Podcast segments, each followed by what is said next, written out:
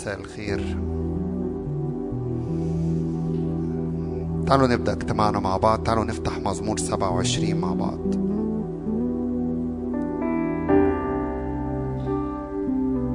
مزمور 27 نقرأ من عدد واحد مع بعض.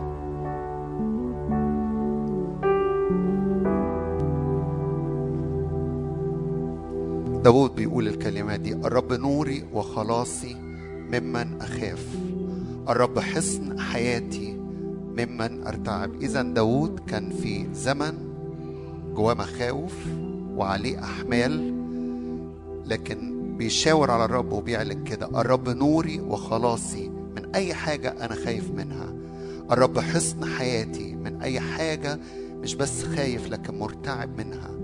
عندما اقترب إلي الأشرار ليأكلوا لحمي مضايقي وأعدائي عثروا وسقطوا إن نزل علي جيش لا يخاف قلبي. إن قامت علي حرب ففي ذلك أنا مطمئن. ويجي يقول الكلمة دي واحدة سألت من الرب وإياه ألتمس أن أسكن في بيت الرب كل أيام الحياة لكي أنظر إلى جمال الرب لكي أتفرس في هيكله لأن الرب يخبئني في مظلته في يوم الشر يسترني بستر خيمته على صخرة يرفعني. والآن يرتفع رأسي على أعدائي حولي فأسبح في خيمة ذبائح الهتاف. أغني وأرنم للرب. أيا كان الأمور اللي ممكن تبقى جاي بيها في حرب معاها في ضغطات تحتيها في ظروف تحتيها في مخاوف في أتعاب في مرض. تعالوا نعلم مع بعض. الرب نوري وخلاصي ممن أخاف. الرب حصن حياتي ممن أرتعب. حتى لو نزل علي جيش لا يخاف قلبي لأني مختبئ في الرب. لإني مطمئن في الرب. لأن الرب ستري لأن الرب غطايا لأن الرب ملجئي لأن الرب حصني. تعالوا نقف مع بعض كده ونردد الكلمات دي. نعم واحدة سألت من الرب وإياه ألتمس.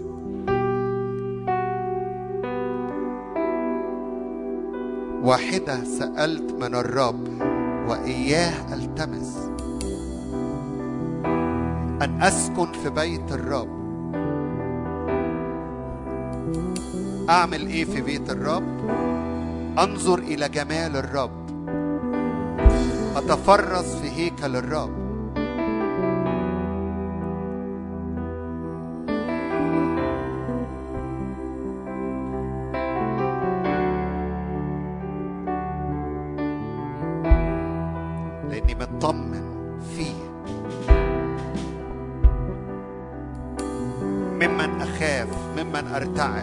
والرب نوري الرب خلاصي الرب ملجئي الرب حصني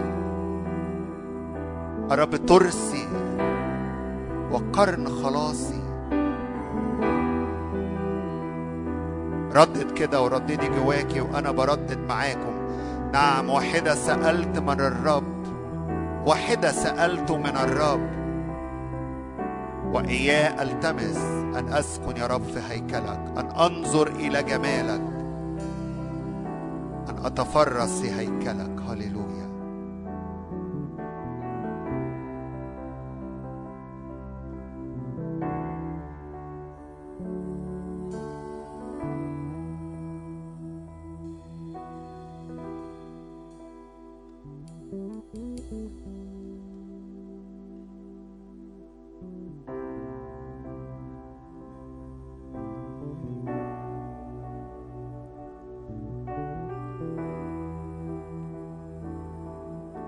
أن أنظر إليك.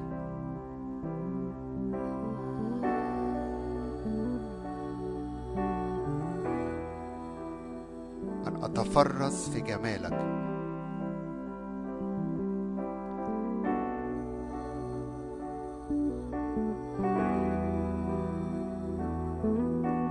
واحدة سألت وإياها ألتمس أن أسكن في بيت الرب إلى مدى الأيام.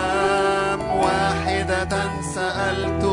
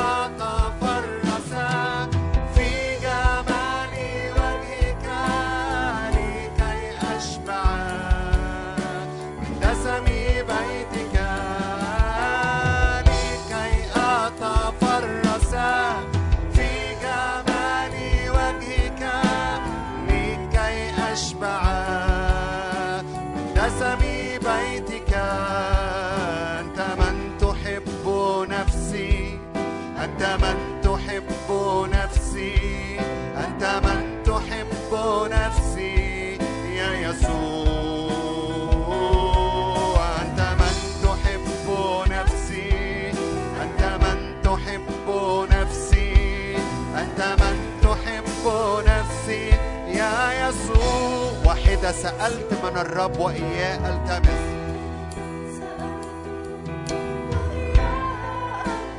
أن أسكن في بيت الرب كل أيام حياتي. واحدة سألت وإياها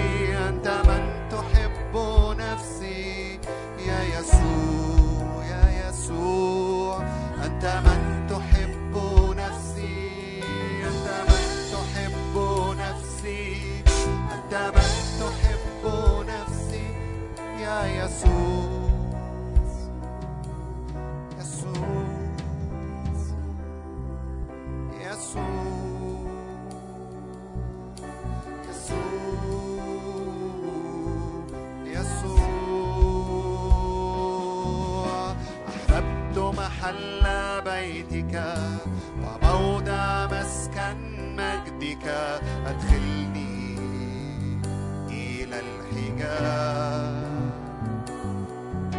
أحببت محل بيتك وموضع مسكن مجدك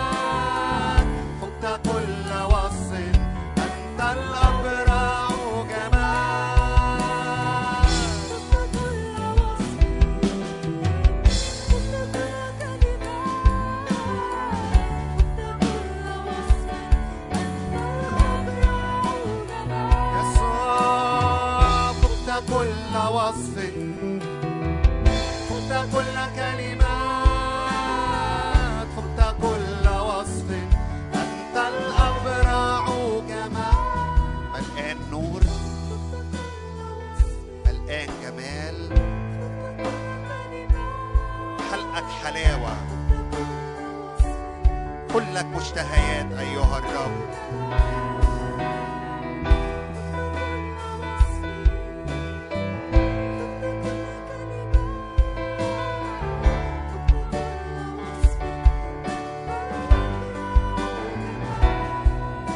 أحببت محل بيتك وموضع مسكن مجدك أدخلني لندخل إلى الحجال.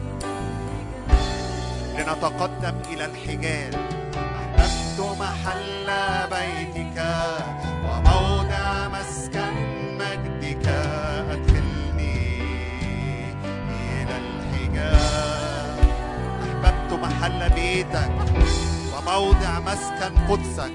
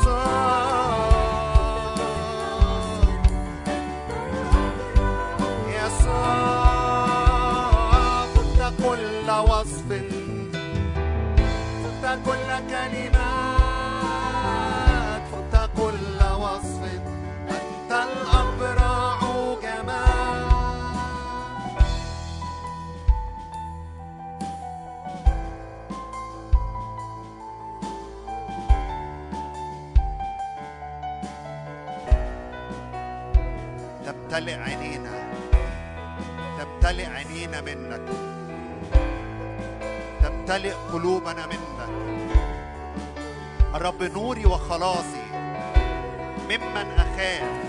الرب حصن حياتي ممن أرتعب؟ لن أخاف لأني محمي لأني مختبئ في مظلة الرب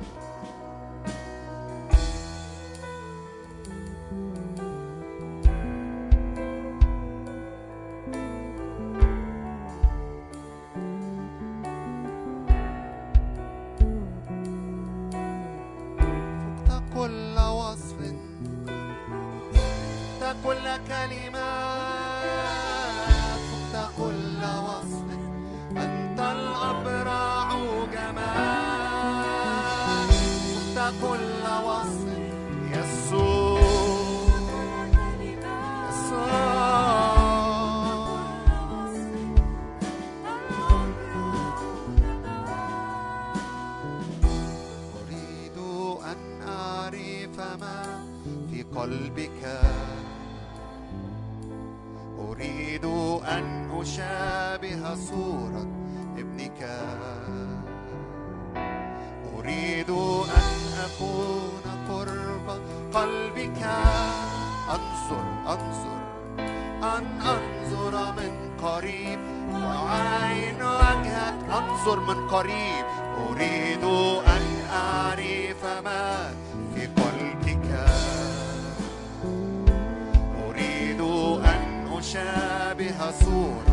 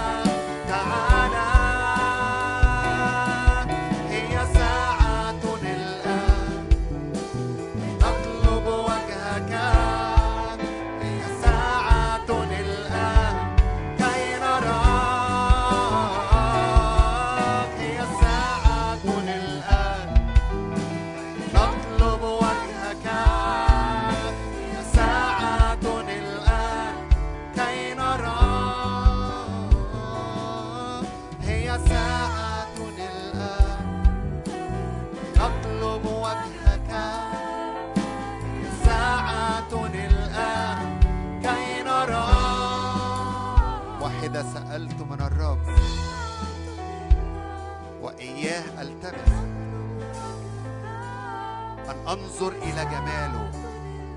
أتفرس في هيكله. أنظر إلى جماله. أتفرس في هيكله.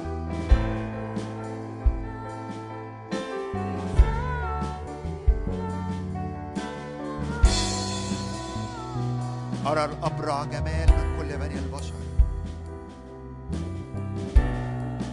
تمتلئ عيوننا من الأبرع جمال.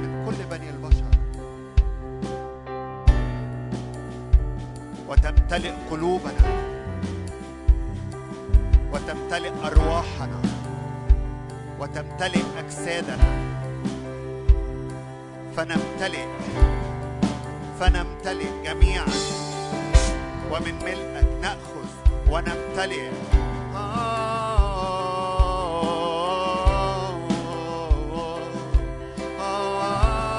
وإحنا بنعبد الرب نعم تمتلئ قلوبنا.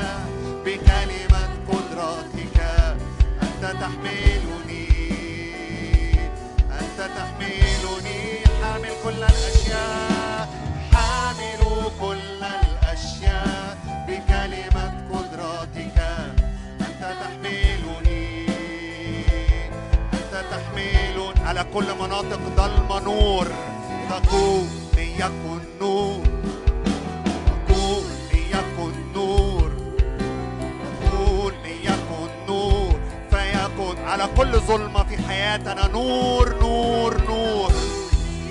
لأنك أنت نور. تقول ليكن نور. تقول ليكن نور. فيكن نور. حامل كل الأشياء. حامل كل الأشياء. بكلمة قدرتك أنت تحملني. أنت تحملني.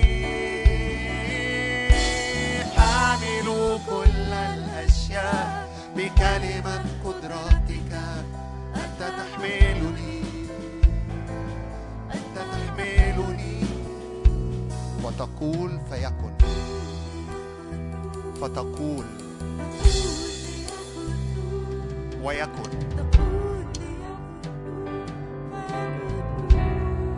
أنت تقول فيكون.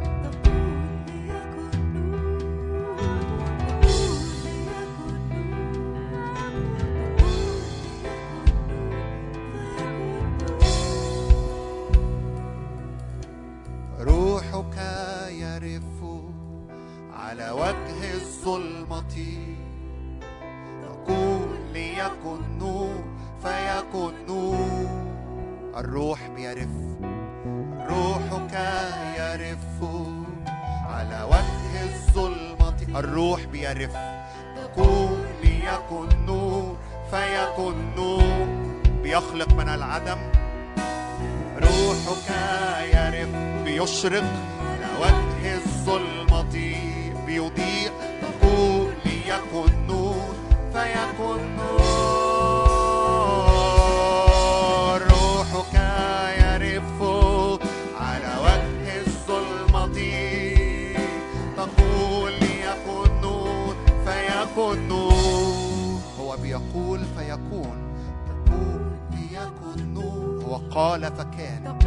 فيكن نور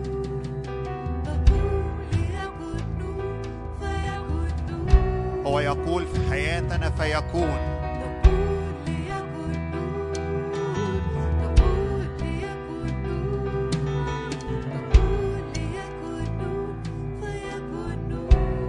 بيقول الآن فاسمع لقول الرب.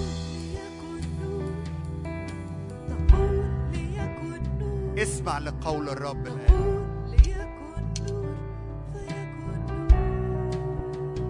والكلمة اللي الرب يقولها على حياتك رددها اعلنها.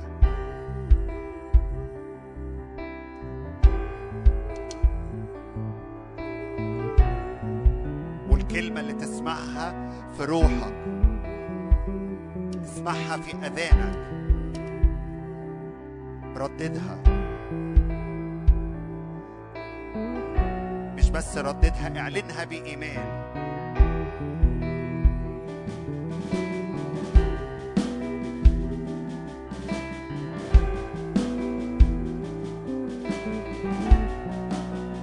قال الرب للأعمى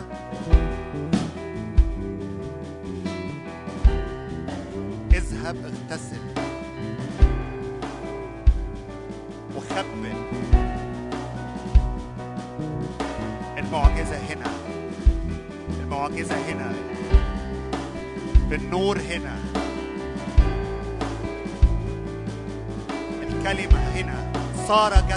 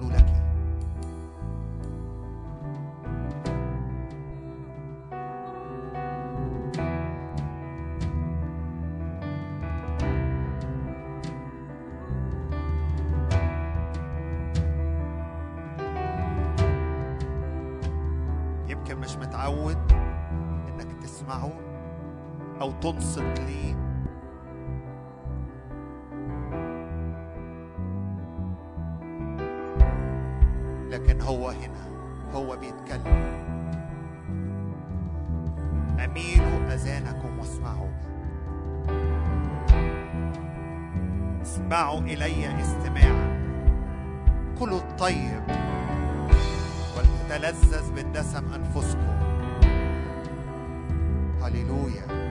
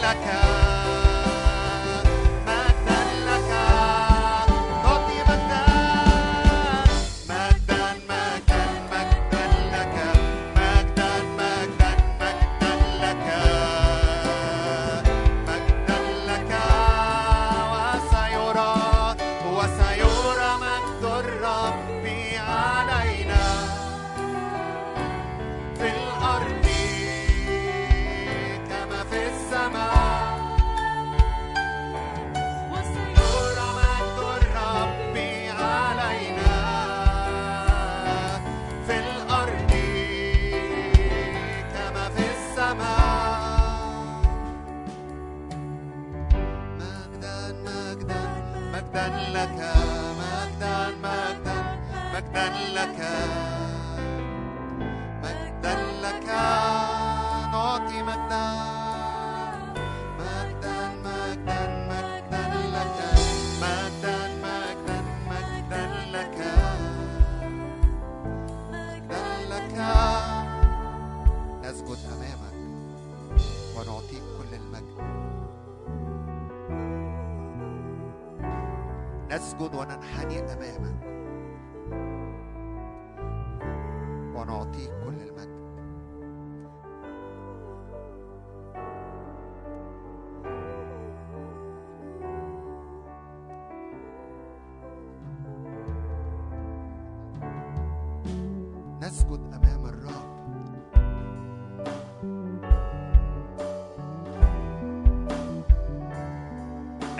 اي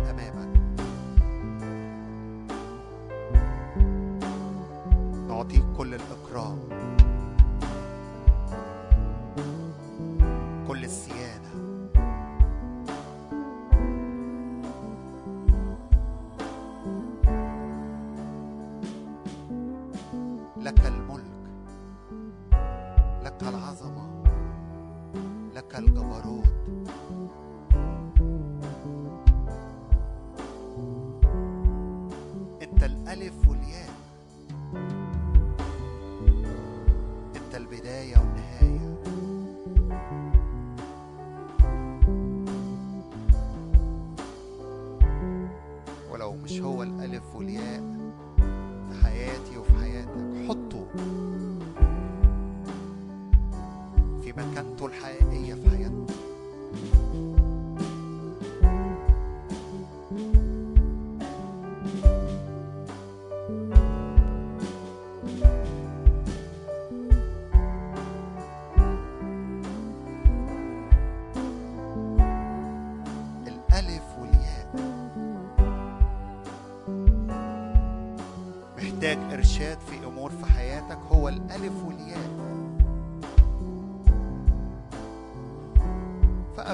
تجري لمشير أو تجري تصلي مع حد.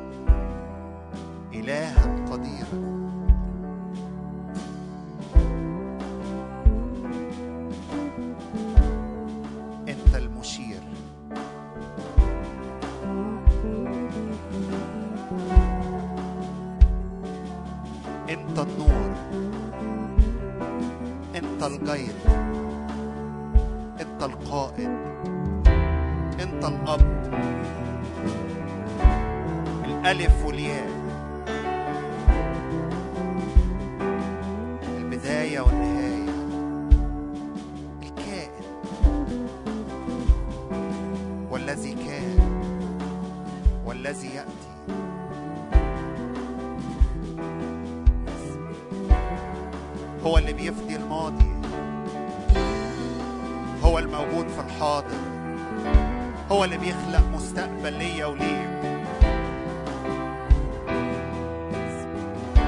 ارفع إيدك كده معايا على كل امور في الماضي على كل لعنات في الاسرة على كل امراض. اعلن بيفتدي بيفتدي بيفتدي الماضي بيفتدي اجسادنا من من أي مرض. بيبرئ اجسادنا بيبرئ أذهاننا.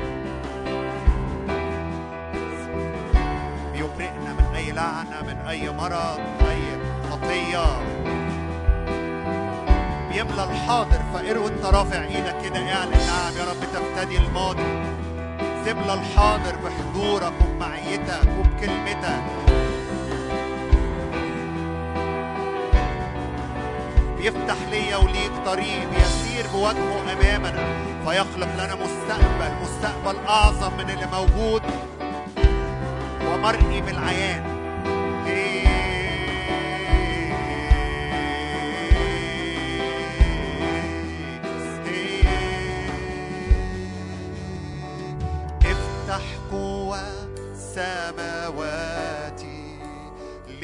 لسكيبك سكيب الروح.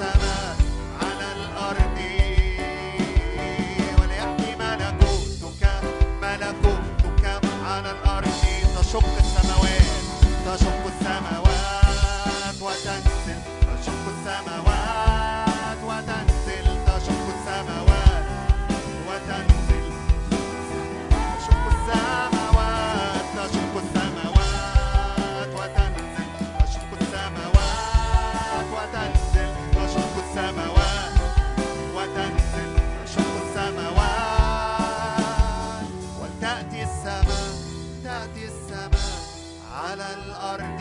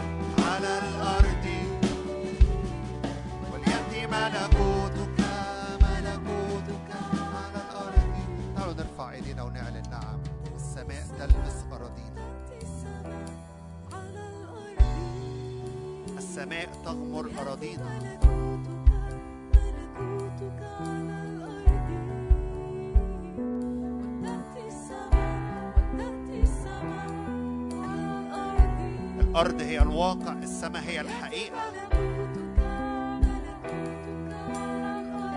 املأ أراضينا بالحقيقة. املأ أراضينا بالحقيقة.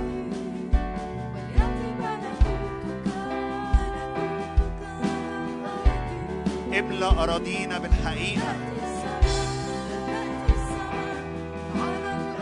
نعم الأرض تستجيب إلى السماء. تستجيب إلى السماء.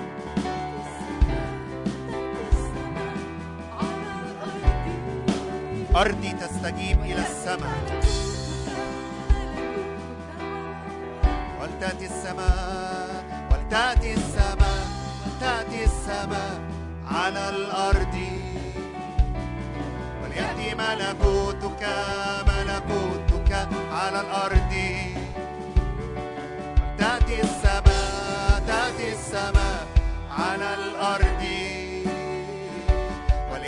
ملكوتك ملكوتك على الأرض.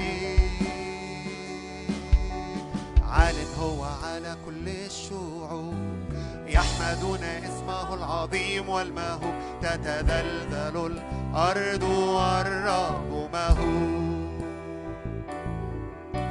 عال هو على كل الشعوب يحمدون اسمه العظيم والمهوب. تتذلذل الأرض الرب مهوب عال هو على كل الشعوب يحمدون اسمه العظيم والمهوب تتزلزل الأرض. الرب نعم أرضي تتزلزل من حضرة الرب. عال هو على كل الشعوب وتخضع إلى ما ينسكب من السماء عليها. تتزلزل الأرض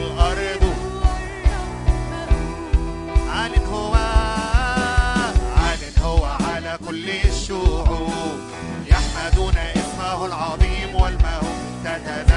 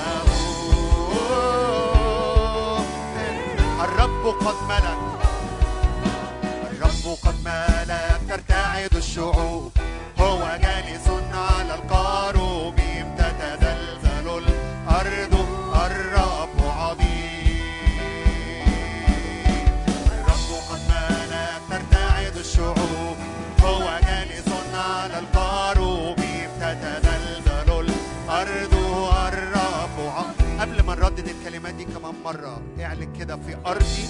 من حضرة الرب تتزلزل كل جبال عالية باسم الرب يسوع. الرب الملك الرب الحاضر السماء اللي تلمس أرضي. فتتزلزل كل جبال عالية كل أفكار عالية كل أمور. عدو الخير بيحاول يصنعها في أرضي. بنعلن ملكه بنعلن سيادته بنعلن سلطانه. بنعلن إن أراضينا تخضع للسماء. أراضينا تخضع لكل ما هو من الرب ينسكب على أراضينا. الرب قد ملك فترتعد الشعوب ترتعد الأرض تتزلزل الأرض من حضرة الرب. هللويا هللويا هللويا. فكل جبال عالية كل أفكار عاملة محدودية باسم الرب يسوع. اعلن معايا كده كل أفكار في ذهني عاملة محدودية إن أرضي تستجيب إلى السماء. نعم باسم الرب يسوع. سيادة إلهية اتساع في أذهاننا اتساع في أرواحنا اتساع في مداركنا بالروح القدس. لما يريد الرب الروح أن يصنعه في حياتنا وفي أذهاننا ومن خلالنا. وإحنا بنعلن كمان مرة الرب قد ملك اعلن ملك الرب وسيادة الرب في أرضي وفي أرضك.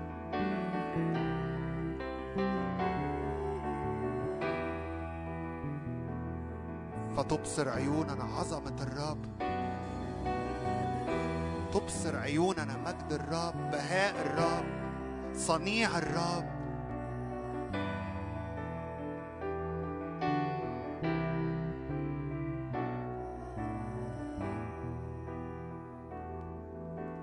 الرب قد ملك ترتعد الشعوب. هو جالس على القاروب تتزلزل الأرض والرب عظيم. الرب قد ملك ترتعد الشعوب. هو جالس على القاروب تتزلزل الأرض والرب عظيم. قد ملك ترتعد الشعوب.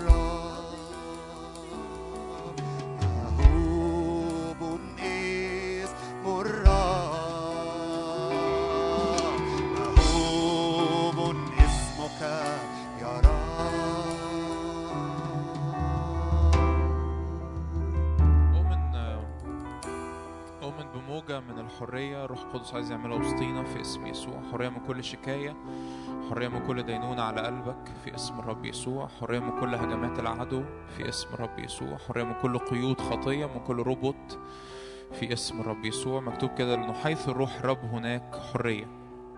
حيث الروح الرب هناك حرية. فتقدر تقف معايا تقدر ترفع إيدك. لو تحب تقدري ترفع إيدك بإيمان. نعم روح الله في اسم الرب يسوع. نؤمن بحركة. من حرية عملك في وسطينا في اسم الرب يسوع لكسر أنيار في اسم الرب يسوع. الكتاب قال كده انزعوا عنه ثياب القذرة والبسوه ثيابا مزغرفة وارتضعوا على رأسه عمامة طاهرة في اسم رب يسوع كل دينونة مرمية كل شكاية على ضميرك كل شكاية على ضميرك في اسم الرب يسوع. استخبي في الدم استخبي في الحمل المذبوح. نعم يا رب أشكرك لأن دمك يغسل دمك يطهر من كل خطية يطهر من كل إثم في اسم الرب يسوع. لا شكاية على شعبك ولا دينونة على شعبك في اسم الرب يسوع. كل كل قيد تحت ديون مادية. أنا مشغول أصلي الصلوة دي. كل قيد تحت ديون مادية. ديون فلوس. مديون بفلوس. فلوس متأخرة عليك لبنك لقرض لشخص. أنت مستلف منه فلوس في اسم الرب يسوع. يا رب أشكرك لأنك تملأ كل احتياج بحسب غناك في المجد. يا رب أنا بصلي في اسم الرب يسوع. كسر لكل دايرة ديون فلوس في اسم الرب يسوع. كسر لكل دواير ديون في فلوس في اسم الرب يسوع. كسر لكل دواير ديون في فلوس في اسم الرب يسوع. كسر لكل دايرة ديون دين مادي في اسم الرب يسوع. في اسم الرب. يسوع اعلن معايا هذه الكلمات قول يا رب أشكرك لأنك افتقرت وأنت الغني لكي أستغني أنا بفقرك. اعلنها محتاج تعلنها بإيمان. الرب أخذ الخمس خبزات والسمكتين وبارك بيهم وشبع بيهم الخمس تلاف. قول يا رب في اسم الرب يسوع أشكرك لأنك افتقرت وأنت الغني لكي أستغني أنا بفقرك. في اسم الرب يسوع كسر لكل يا رب دواير ديون مادية على شعبك. في اسم الرب يسوع حرية ده نوع ده نوع من أنواع الحرية. الرب لا يريدك إنك تبقى تحت ثقل دين مادي طول الوقت آه، آه، رقبتك تحت نير دين مادي طول الوقت في اسم الرب يسوع. كسر لكل دين مادي على حياتك في اسم الرب يسوع. نعم يا رب أشكرك لأنه أؤمن كده بحركة من حرية الروح القدس في اسم الرب يسوع. كل حركة عيافة وعرافة كل حركة أثقال على النفس كل حركة أثقال على الجسد في اسم يسوع. كل حركة أتقال على الذهن ترفع بالكامل الآن في اسم الرب يسوع. مكتوب كده يعرف الرب أن ينقذ الأتقياء من التجربة. قول له في ناس هنا واقعة تحت تجربة بقالها فترة تج- تجارب خطية تجارب نجاسة تجارب شر. محتاج ترفع إيدك كده بسلطان قول له نعم يا رب أشكرك لأنك تعلم أن تنقذ الأتقياء من التجربة. انت تعلم أن تنقذ الأتقياء من التجربة في اسم الرب يسوع. نعم يا رب انت تعلم أن تنقذ الأتقياء من التجربة في اسم الرب يسوع. تنقذني من فم الأسد في اسم الرب يسوع. تنقذني من كل تجربة تنقذني من كل ضيق تنقذني من كل حركة من العدو. لو إبليس هو يجول زي الأسد الزائر يجول ملتمسا من يبتلعه هو لكن نؤمن أنك أنت الأسد الحقيقي في اسم الرب يسوع الذي تزأر في وجه أعدائنا في اسم الرب يسوع. في اسم الرب يسوع. في اسم الرب يسوع. يا رب أنا بصلي كده ترقية في سلطان شعبك. ترقية في السلطان ترقية يا رب في سلطان الإيدين المرفوعة ترقية يا رب في سلطان الصلوات. في اسم الرب يسوع نضجنا في السلطان. نضجنا في إدراك السلطان. نضجنا في إدراك قوة الدم وقوة عمل الروح القدس على حياتنا في اسم الرب يسوع. هللويا. تعالوا إحنا بنقول الكلمات اللي جاية دي حيث روح الرب هناك حرية. في في حاجة في حرية الرب عايز يطلقها. فاستقبل وإحنا بنرنم الكلمات اللي جاية دي. استقبل وانت بتسبح وانت بتعلن الكلمات اللي جاية دي. إن الرب ينقلنا من مجد إلى مجد. الرب ينقلنا من قوة إلى قوة. إنه بنعلن حرية لكل مأسور بنعلن إطلاق لكل مسجون بنعلن شفاء لكل مجروح. نعم يا رب بنعلن حرية في أجواءنا بنعلن حرية في أجواء هذا الاجتماع بنعلن حرية في أجواء شعبك في اسم الرب يسوع. بنعلن يا رب حرية يا رب على كل ابن وابنه ليك هنا في اسم يسوع. يا رب حرية من كل قيد وحرية من كل أحمال وحرية من كل شكاية وحرية من كل يا رب آه، آه، قيود مادية في اسم الرب يسوع. حرية يا رب من كل أكاذيب العدو في اسم الرب يسوع. في اسم يسوع. صدق استقبل بإيمان. اتكلمنا. اخر اخر آخر وعظة في المؤتمر اتكلمنا عن الإيمان. استقبل بإيمان. استقبل بإيمان. استقبل بإيمان. حيث زاد زفت الدم. استقبل بإيمان. حرية. انت بتصدق إن الرب هنا إن الرب حاضر إن الرب هنا الآن؟ فأنت بتستقبل بإيمان في اسم يسوع. استقبل بإيمان في اسم يسوع. حيث روح الرب هنا. حرية.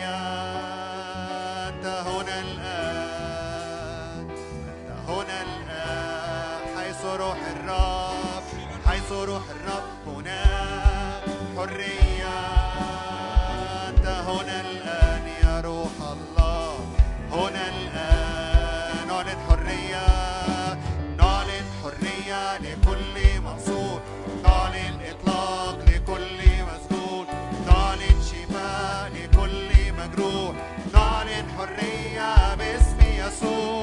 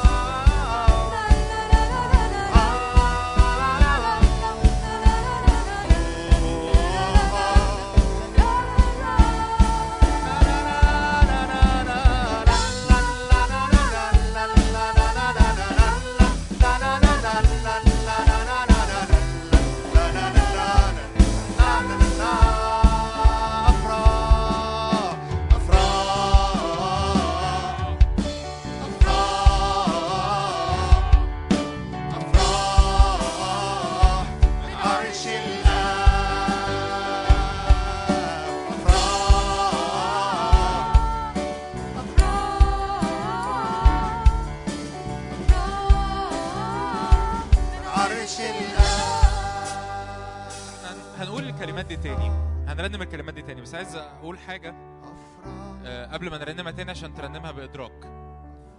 وخصوصا آه، أي حد هنا واقع تحت ثقل دين مادي. مش هقول حد يرفع إيده عشان دي حاجة ممكن في مجتمعنا المصري حاجة ما, ما يعني نتكسف إن إحنا هنعملها. بس عايز أقول لك حاجة. في يوم من الأيام إليشع وقف وقال كده إنه غدا تكون كيلة ال- الدقيق بشاقل وكيلة الشعير بإيه؟ بشاقل. وكان في جندي مستند على باب الملك وقال له كده يعني آه، بيضحك يعني بيقول يعني ربنا هيعمل إيه؟ يعني يفتح لنا شبابيك في السماء يعني وتمطر علينا أكل. وليش قال له قال له تنظر بعينيك لكن مش تاكل منه. عايز أقول لك ببساطة صدق بإيمان إنه لو طالت إن الرب يفتح شبابيك في السماء وتمطر أكل هيعمل كده ما عندوش مشكلة. هو عملها قبل كده في العهد القديم.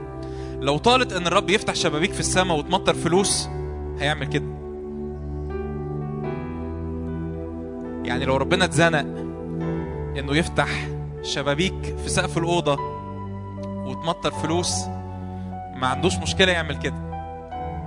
إحنا مش بنبيع الهوا في أزايز. في ناس في ناس بتحضر وسطينا أو بتحضر الاجتماعات عموما.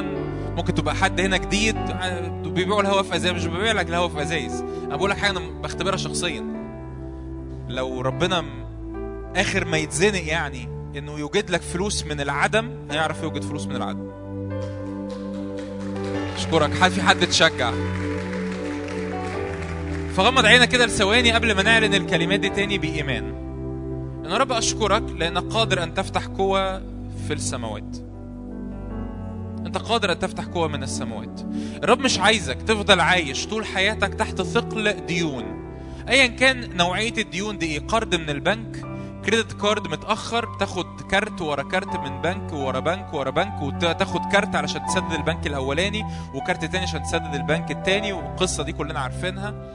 ديون من بني أدمين ايا كان. ربنا مش عايزك تفضل عايش في الدايرة دي طول حياتك. مش بقول إن قروض خطية ولا بقول إن قروض من البنوك خطية. أنا بتكلم إنك عايش طول الوقت مديون طول الوقت في فلوس عليك متأخرة طول الوقت بتجري ورا نفسك عشان تسدد الإيجارات اللي متأخرة عليك والفواتير اللي متأخرة عليك طول الوقت في حاجة معطلاك طول الوقت حاسس إن أنت مثقل بأحمال مادية. ببساطة ارفع إيدك كده معايا الأول كده يا رب أشكرك. أنت قلت اطلبوا أولا ملكوت الله وبره وهذه كلها تزاد ليا فيا رب أشكرك لأن هذه كلها تزاد ليا. يا رب ثقل الدين المادي يرفع من على شعبك في اسم الرب يسوع. بصلي كمان حكمة. أوقات بتبقى الديون المادية بندخل فيها بسبب بسبب سوري في الكلمة بسبب, بسبب غباء في التصرفات بسبب اختيارات غلط.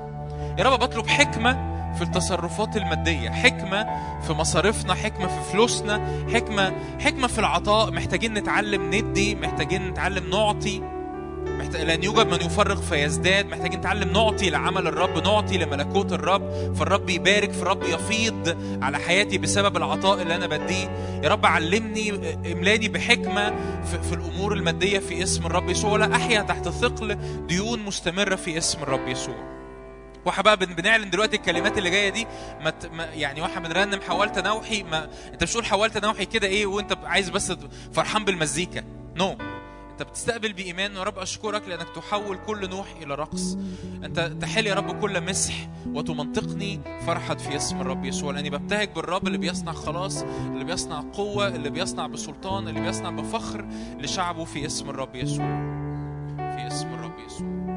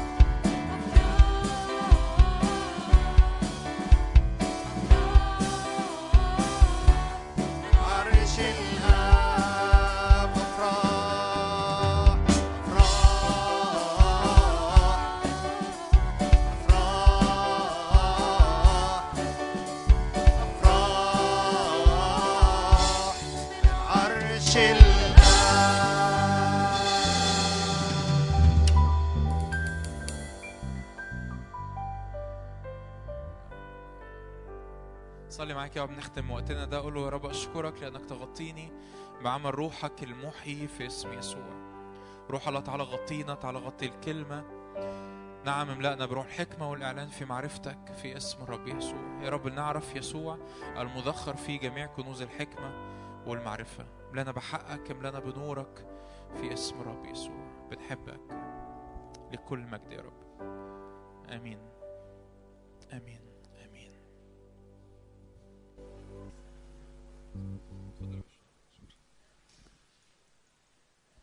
أنا عندي إعلان سريع عشان الناس اللي هتمشي بدري. يوم 11 11 هنعمل مؤتمر تاني. إحنا عملنا مؤتمر سميناه إلى الجبل كان الشهر اللي فات. فهنعمل مؤتمر تاني من 11 نوفمبر لحد 13 نوفمبر. نفس شبه شوية. في ال- المؤتمر اللي فات. آه هنبتدي نحجز من الأسبوع اللي جاي. الحجز هيكون. بدفع فلوس لأنه في ناس حجزت المرة اللي فاتت وحجزت أماكن ولغت يومها الصبح فإحنا دفعنا غرامات. فال 11 11 لحد 13 11 مؤتمر إلى الجبل. أمين. كم حد ما كانش موجود في المؤتمر اللي فات؟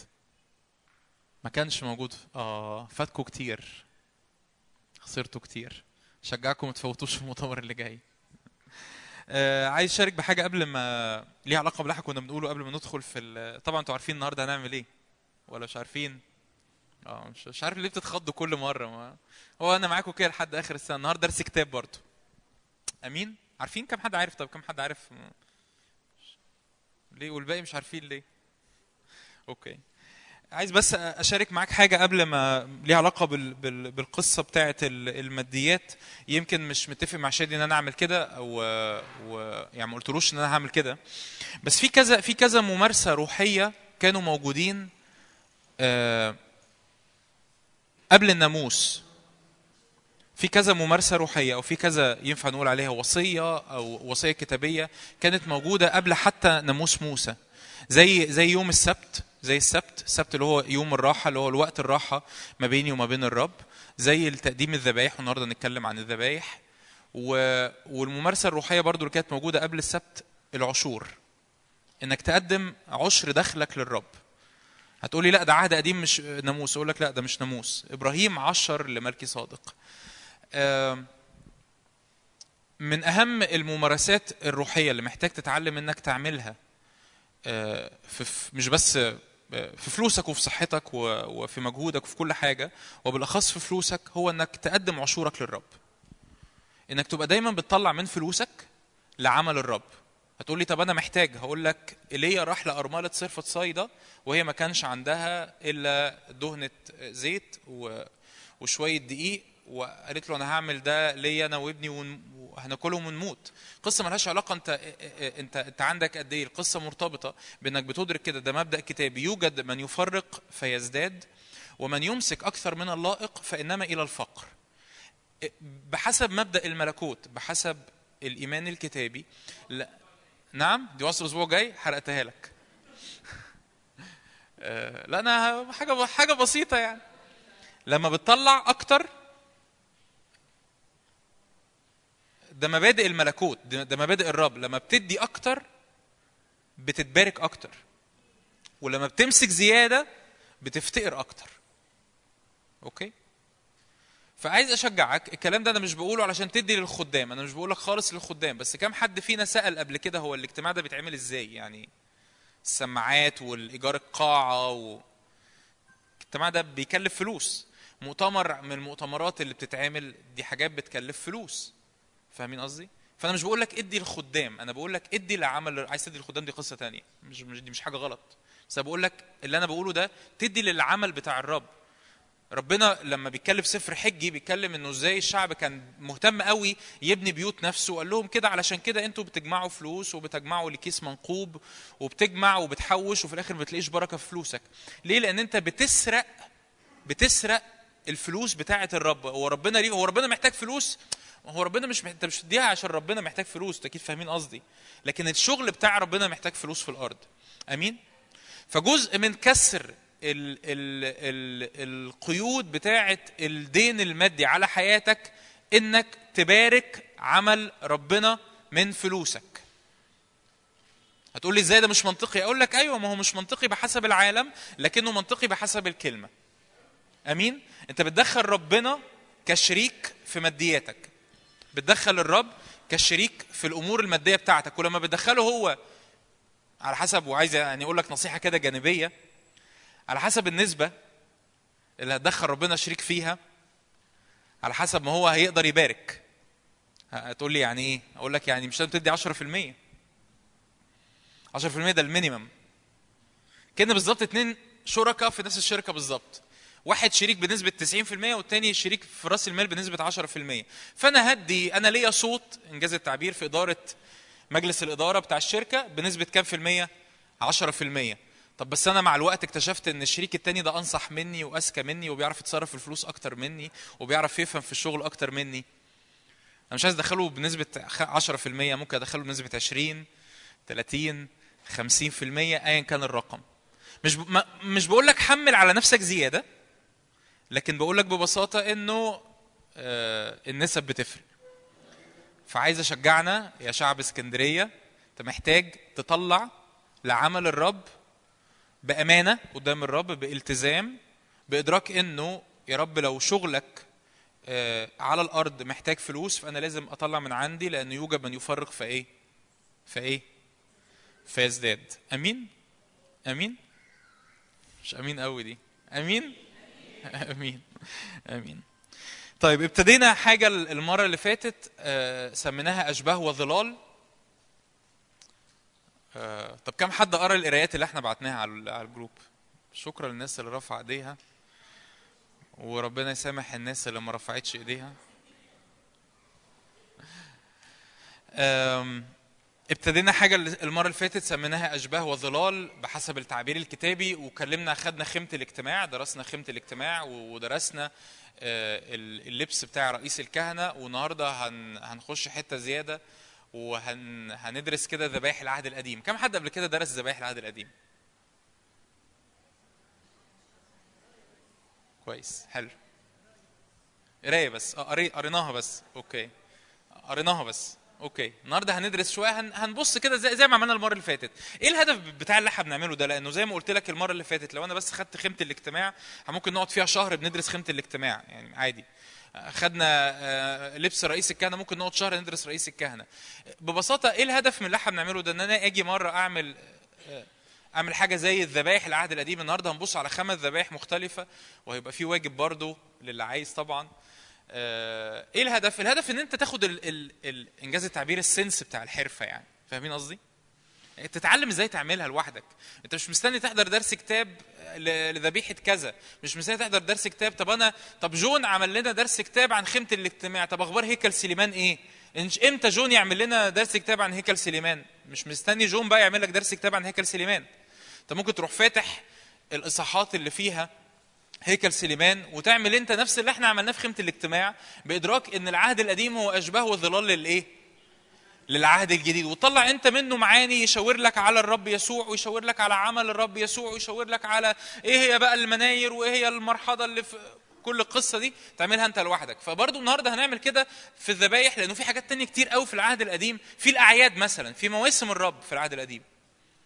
تقرأ عنها في سفر اللويين. ففي سفر اللويين بيحكي لك عن في حاجة اسمها أعياد. هو طب ينفع أطلع من الأعياد برضو أشباه وظلال بتشاور لي على العهد الجديد؟ أيوه. أمين؟ فالنهاردة هنبص على ذبائح العهد القديم ونحاول نشوف إزاي هي بتشاور لنا على عمل الرب يسوع اللي هو عمله لأجلنا. فعايز بس أبتدي أقول لك إنه من أهم الحاجات اللي كانت بتحصل في العهد القديم في, أوقات العبادة من أهم مظاهر العبادة في العهد القديم هنخش يعني آه تمام. من أهم مظاهر العبادة في العهد القديم هي كانت الذبايح والذبايح ما ابتدتش وقت الناموس. الذبائح كانت موجودة من قبل الناموس وحصلت في مواقف مختلفة. فنلاقي إنه أول حد قدم ذبيحة الحقيقة أول حد ذبح حيوان كان الرب نفسه. لأن الرب ذبح حيوان وألبس آدم وحواء أقمصة آه، من جلد. الرب قبل ذبيحة هابيل اللي, قدمها وكانت ذبيحة هابيل حيوانية. مش لازم أقعد أقرأ الآيات الآيات موجودة يعني اللي عايز يرجع لها.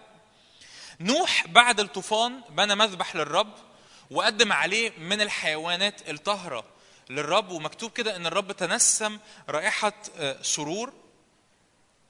إبراهيم كذا مرة. ده كل ده خلي بالك قبل الناموس. إبراهيم كذا مرة يتقال عنه إنه بنى مذبحا للرب. تقرأ عنها بتاع ثلاث أربع مرات على الأقل. إنه إبراهيم لما كان بيرتحل ورا الرب كان بيبني مذابح. يعني إيه بيبني مذابح؟ يعني بيجيب شوية حجارة أو شوية تراب ويحط عليهم حطب ويذبح حيوان ويحط الحيوان على المذبح فيحرقه لربنا. ده معنى لو حد مش لا لو حد مش فاهم يعني إيه ذبيحة. ذبيحة أنا جبت حيوان ذبحته الدم نزل على الأرض وخدت الحيوان حطيته على النار الحيوان بيتحرق لحد ما يطلع آه، ريحة لربنا. وأخيرا فرائض وطقوس كتير قوي وذبائح كتير قوي في العهد القديم كانت بتتكلم عن الذبايح وهناخد منها خمسة النهارده ندرسهم مع بعض أو على حسب الوقت يعني. قدرنا ناخد الخمسة تمام؟ ما قدرناش مفيش مشكلة. بس عايز أسأل سؤال كده في الأول ويمكن أنت ما سألتش السؤال ده لنفسك قبل كده. هو هو فعلا ربنا مبسوط بالذبائح الحيوانية ولا لا؟ هو فعلا كان ربنا مبسوط بالذبائح الحيوانية ولا لا؟ الحقيقة نلاقي آيات في العهد القديم غريبة قوي. هنلاقي شوية آيات وعايز أقراهم لك. داود يقول له في مزمور 40 6 يقول كده بذبيحة وتقدمة لم تصر أذني فتحت محرقة وذبيحة خطية لم تطلب. في مزمور 51 عدد 16 مزمور 51 ده مزمور التوبة بتاع داود. داود عمل إيه في مزمور؟ يعني داود كان بيتوب عن إيه؟ داود كان بيتوب إن هو زنى مع بتشبع وإن هو رتب آه، لقتل أوريا الحثي. فدي خطية كبيرة. يعني يعني المفروض يا داود أنت دلوقتي على الأقل تروح تقدم عن نفسك ذبيحة خطية وتقدم ذبيحة إثم لأن أنت عملته عملته مصيبتين كبار. فيقول له كده داود لأنك لا لا تصر بذبيحة وإلا فكنت أقدمها. والتعبير غريب شوية مش عارف فكرت فيه قبل كده ولا لأ. يعني أنت داود ما قدمتش هو بيقول له مش مش عارفين. يقول له أنت لا تصر بذبيحة وإلا فكنت إيه؟ يعني داود كان في العهد القديم كان تحت الناموس. بس هو بيقول له أنت لا تصر بذبيحة وإلا كنت هقدمها لك. يعني هو ما عمل الآية بتقول إيه؟ إن هو ما قدمش.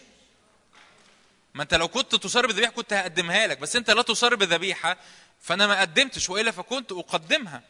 بمحرقة لا ترضى يا رب اللي هيرضيك مش قصة ذبايح ومحرقات مش قصة إن أنا بجيب حيوان وبذبحه بحطه على المذبح وأنت كده بقيت تمام. ذبائح الله هي روح إيه؟ منكسرة. القلب المنكسر والمنسحق يا الله لا إيه؟ لا تحتقره. صمويل أول 15 22 لما صمويل راح لشاول وسمع صوت ال- ال- الخراف والغنم وراح شاول قال له لا لا إحنا قدمنا شوية ذبائح لربنا يعني. فقال له هل مسرت الرب بالمحرقات والذبائح كما باستماع صوت الرب؟ هو ذا الاستماع أفضل من الذبيحة والإصغاء أفضل من شحم الإيه؟ الكباش. واقرأ معايا الآيات دي في إرمية سبعة. يمكن عم- عمرها ما عدت عليك. إرمية سبعة 21 هكذا قال رب الجنود إله إسرائيل ضموا محرقاتكم إلى ذبائحكم وكلوا لحما. قدموا ذبائح زي ما أنتم عايزين قدموا محرقات زي ما أنتم عايزين وكلوا اللحمة بتاعتها. لأني هي الآية تخض شوية. لأني لم أكلم ابائكم ولا أوصيتهم يوم أخرجتهم من أرض مصر من جهة محرقة وذبيحة بل إنما أوصيتهم بهذا الأمر قائلا اسمعوا صوتي فأكون لكم الها وأنتم تكونون لي شعبا وسيروا في كل الطريق الذي أوصيكم به ليحسن إليكم.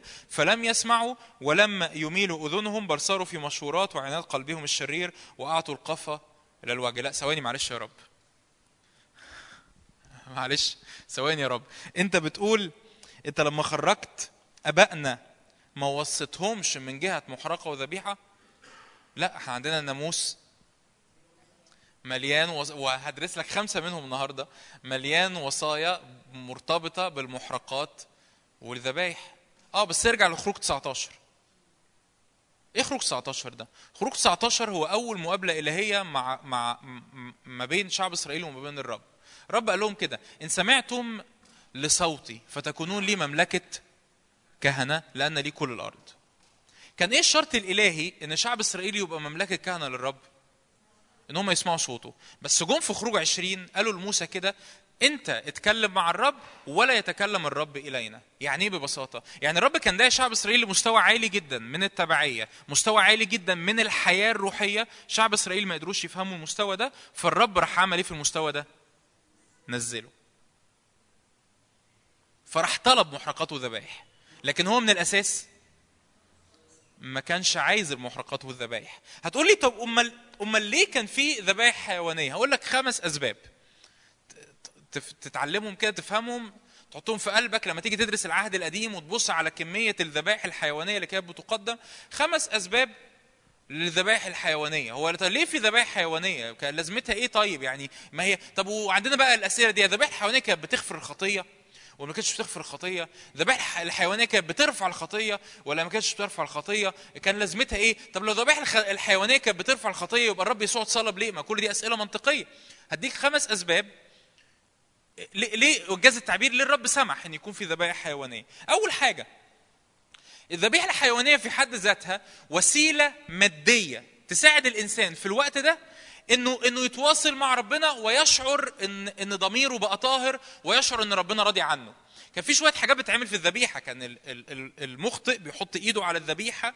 كانت الذبيحة بتتذبح قدامه كانت بتموت قدامه كانت الذبيحة بتتسلخ كانت الذبيحة بتتحط على المذبح فبتصعد للرب. فكل إنجاز التعبير الأكشن المادي ده الفعل المادي ده بيوصل للشخص اللي جاي يقدم الذبيحة إن في حاجة حصلت ليه؟ لأن هو أصلا ما قدرش يتواصل مع الرب على مستوى الروح. فاكرين السامرية في يوحنا أربعة لما بتقول أفي هذا الجبل ينبغي أن نسجد أم في هذا الجبل فالرب قال لا في هذا الجبل ولا ولا في ذاك لكن الوقت هو الآن إنه الساجدون الحقيقيون يسجدون للأب الروح والإيه؟ فأتاري البشرية لسنين كتير ما كانتش قادرة تفهم إن إحنا محتاجين بس نسجد للرب بالروح والإيه؟ بس الغريب إن داوود فهم في العهد القديم. ما داوود في مزمور 51 بيقول له لا تصار بذبيحة وإلا إيه؟ فكنت إيه؟ داود فهم. ففي ناس فهمت بس إنجاز التعبير عامة الشعب ما كانوش فاهمين. إحنا محتاجين حاجة مادية محتاجين حاجة ملموسة. وأوعى تكون في العهد الجديد ولسه بتربط حضور ربنا بشوية حاجات ملموسة. الله روح والساجدون الحقيقيون يسجدون لل- للآب بالروح والايه والحق. فأنت بتسجد له بالروح والحق. تاني حاجة الدم كان بيعمل كفارة لغطاء الخطية وأنا قلت غطاء مش لرفع. يعني إيه كفارة أصلا؟ كلمة كفارة يعني إيه؟ يعني كفر كلمة كفارة يعني كفر يعني غطا الدم كان بيغطي الخطية لكن ما كانش بيرفعها. مش عايز أقعد أقرأ لك آيات. الدم كان مجرد بيخبي الخطية. بيخبي الخطية عن هقول لك عن مين بس بس بس مبدئيا الدم كان بيغطي الخطية لكن ما كانش بيرفعها. ده الحقيقة الذبايح كانت بتعمل حاجة تانية. رقم ثلاثة الحقيقة الذبايح اللي كانت بتقدم كل شوية كانت بتفكرهم بالخطية. ما كانتش بتنسيهم الخطية. هتقول لي إزاي ده؟ رحت أقدم ذبيحة المفروض الخطية كده نسيتها. بص بص يا عبرانيين مهمه الآية دي اقراها. عبرانيين عشرة من أول عدد واحد الناموس إذ له ظل الخيرات العتيدة لنفس صورة الأشياء لا يقدر ابدا بنفس الذبائح كل السنة التي يقدمونها على الدوام أن يكمل الذين يتقدمون. الذبائح الحيوانية ما تقدرش تكمل اللي بيقدمها، ما تقدرش تجعله كاملا. ليه؟ لأن ده دم حيوان. إزاي دم دم حيوان يكملني أنا الإنسان؟ مين أعلى الحيوان ولا الإنسان؟ الإنسان إزاي الحيوان يكملني ما ينفعش. فالناموس اللي عمالين نقدم له ذبايح الذبائح دي لا تكمل الذين يقدمونها على الدوام. طيب وإلا أفما زالت تقدم؟ ولو كان يقدر تكملهم طب ما إحنا ده عندنا الدليل إن الذبائح دي لسه بت إيه؟ بتقدم. ما هو معنى إن هي لسه بتقدم. إن هي ما ينفعش تكمل البني آدمين. ما ينفعش تجعلنا كاملين. ما ينفعش ترفع الخطية. من أجل أن الخادمين خادمين المذبح يعني وهم مطهرون مرة لا يكون لهم أيضا ضمير خطايا. للأسف هم لسه عندهم ضمير خطايا. لكن بص على الثلاثه لكن الذبايح دي فيها كل سنة إيه؟ ذكر خطايا. لأنه لا يمكن أن دم ثيران وطيوس يرفع خطايا. فببساطة إحدى أهداف الذبايح مش إن هي تنسيني الخطية. إن هي تفكرني أنا بني آدم عايش في العهد القديم. رحت عملت خطية رحت جبت زي ما هنشرح ذبيحة الخطية رحت جبت تور قدمته ذبيحة خطية عن خطيتي ولا عن بيتي ولا عن الشعب ولا ايا كان. فأنا خدت ذبيحة الخطية. بعدها بثلاث أيام غلطت تاني. جبت ذبيحة ورحت قدمتها للكاهن. رحت بقدمها للرب ووديتها عند الكاهن. أنا هنا في الأكشن ده بنسى الخطية؟ لا أنا بفتكرها. ليه؟ عشان الرب كان على طول السنين اللي فاتت قبل الرب يسوع بيفكر البشرية بحالتهم الضعيفة اللي من غير المسيح. فالذبيحه بتفكرني إن أنا عايش في الخطية مش إن خطيتي اتغفرت.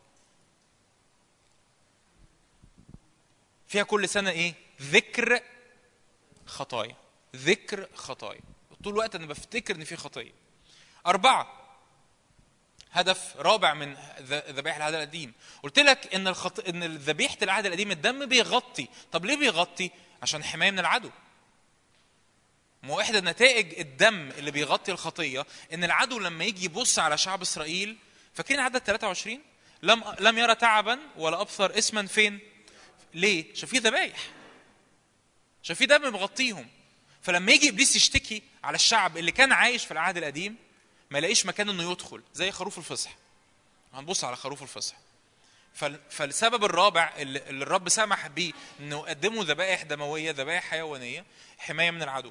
وخمسة وآخر سبب إن كل دي أشباه وظلال بتشير لمين لعمل الرب يسوع إن كل كل لما لما يعني لما نيجي نبص لما شعب إسرائيل ي- يجي يبص على الرب يسوع بعد كده لما لما بعد الرب يسوع يتصلب وي- ويقوم من الموت لما يجي يوحنا المعمدان بيتمشى مع تلاميذه يشاور على الرب يسوع كده يقول هو ذا إيه؟ حمل الله الذي يعمل إيه؟ يرفع مش يغطي الذي إيه؟ يرفع خطية العالم. مش يغطي خطية العالم. الذبيحة الحيوانية بتغطي الخطية. لكن حمل الله يسوع المسيح بيعمل إيه؟ بيرفع يعني بيشيلها بيشيلها خالص. يرفع خطية الإيه؟ العالم. وده اللي هنتكلم عنه النهارده. مش عايز أعيد تاني نفس الآيات بس عايز هقرأ لك آية مهمة بس ببساطة أو عدد 12 يعني هاخد آية من النص. ليس بدم تيوس وعجول بل بدم نفسه. دخل مرة واحدة الأقداس فوجد فداء أبدا. العهد الجديد نفسه بيعلمنا أن الرب يسوع على الصليب كان ذبيحة وسفك الدم. فالصليب ما هوش حاجة غريبة عن عن عن عيون شعب إسرائيل أو عن العهد القديم لأن الصليب في حد ذاته كان إيه؟ كان ذبيحة. آية تانية في السلايد اللي بعدها عبرانيين تسعة عدد 26 يقول كده فإذاك كان يجب أن يتألم مرارا كثيرا منذ تأسيس العالم بيقول يعني لو كان لو كان الرب يسوع محتاج يقدم ذبائح كثيرة يبقى كان لازم يتألم مرارا كثيرة بس هو محتاج يقدم ذبيحة واحدة بس ولكنه الآن قد أظهر مرة مرة واحدة يعني هي ذبيحة واحدة كافية عند انقضاء الدهور ليبطل الخطية بذبيحة إيه؟ هو الرب يسوع اتذبح؟ آه اتذبح ذبح فين؟ على الصليب آمين فكل ذبائح العهد القديم هي أشباه وظلال لذبيحه الذبيح الأعظم ذبيحة الرب يسوع على الصليب في العهد الجديد. هناخد خمس ذبايح ببساطة هنعدي عليهم بسرعة هنتأمل فيهم. آه، نشوف إزاي بيشاوروا لنا على الرب يسوع ونتعلم منهم على فكرة من أقوى الحاجات اللي ممكن تتعلمها. أنا بتكلم بجد. عايز عايز تدرس عن الصليب؟ في حاجات كتير قوي مكتوبة في العهد الجديد عن الصليب. بس لما تبص على ذبائح العهد القديم حاجات كتيرة قوي في العهد القديم هتعلمك عن الصليب. يعني تلاقي ذبيحة معينة زي ذبيحة الفصح. يقول لك ذبيحة الفصح دي بتعمل حاجة ليها نتيجة. طب النتيجة دي بتشاور لي على مين؟ على الرب يسوع. آه يبقى بسبب ذبيحة الفصح إن ذبيحة الفصح كانت بتعمل كده يبقى الرب يسوع بيعمل لي كده. بالحري أقوى وأعظم لأن الرب يسوع أكيد ذبيحته كانت أعلى من ذبيحة خروف الفصح. آمين؟ فحاجات كتير قوي تدرسها في العهد القديم تبص عليها تحس إنه في العهد الجديد أنا مش مش فاهم قوي قوة الصليب. بص على الذبيحة. والذبيحه بتشاور لك على الصليب. اللي كان بيحصل في الذبيحة حصل فين؟ في الصليب وأعظم منه. أمين؟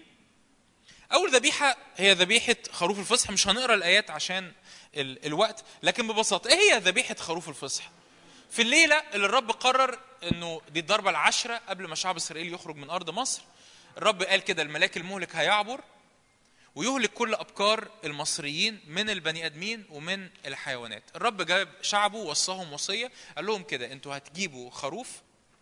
احكي لك يعني الوصف آه، في في السلايد جاية. بس ببساطة هتجيبوا ذبيحة هتقدموا ذبيحة هتاخدوا من الدم تجعلوه على العتبة العليا والقائمتين. إيه وظيفة خروف الفصح؟ ببساطة إن المهلك لما يجي يعدي يشوف الدم على الباب يعبر ما يدخلش جوه ما يمدش ايده على حد جوه. فكلمة فصح أصلا يعني إيه؟ عبور. كلمة فصح معناها إيه؟ عبور. اللي هي بصخه اللي بتقال لحد دلوقتي بال- بالقبطي. دي دي كلمة دي كلمة عبري. عبور. يعني إيه عبور؟ يعني الملاك المهلك يعدي يشوف الدم فإيه؟ فيعبر. وبرضه بتدينا المعنى بتاع عبور شعب إسرائيل من أرض مصر. لا دي الذبيحة الوحيدة اللي شعب إسرائيل قدمها في أرض مصر قبل الخروج. خلي بالك الفصح ما كانش مرتبط بخطية. يعني إيه ما كانش مرتبط بخطية؟ يعني شعب إسرائيل ما عملش ال- الفصح ده لأن هو كان عايش في الخطية. شعب إسرائيل أصلا ما كانش مستعبد بسبب الخطية. حد فاكر إن شعب إسرائيل كانوا كانوا عبيد في أرض مصر؟ شعب إسرائيل ما كانش مستعبد بسبب الخطية. شعب إسرائيل كان مستعبد بسبب قساوة فرعون.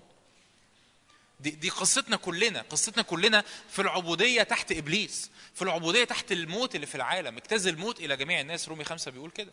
فدي قصتنا كلنا. كلنا مولودين بالطبيعة مستعبدين لإبليس مستعبدين للموت. طب أنا ذنبي إيه؟ أنا غلطت في إيه عشان أبقى مستعبد لإبليس؟ أنا غلطت في إيه عشان أبقى مستعبد للخطية؟ أنا غلطت في إيه عشان أبقى مستعبد للموت؟ غلطت في إيه؟ ما غلطتش في حاجة. أنت مولود تحت سقف اسمه الموت. تحت سقف اسمه الخطية تحت سقف اسمه إبليس. بس كده. ما غلطش في حاجة. أنا محتاج فصح.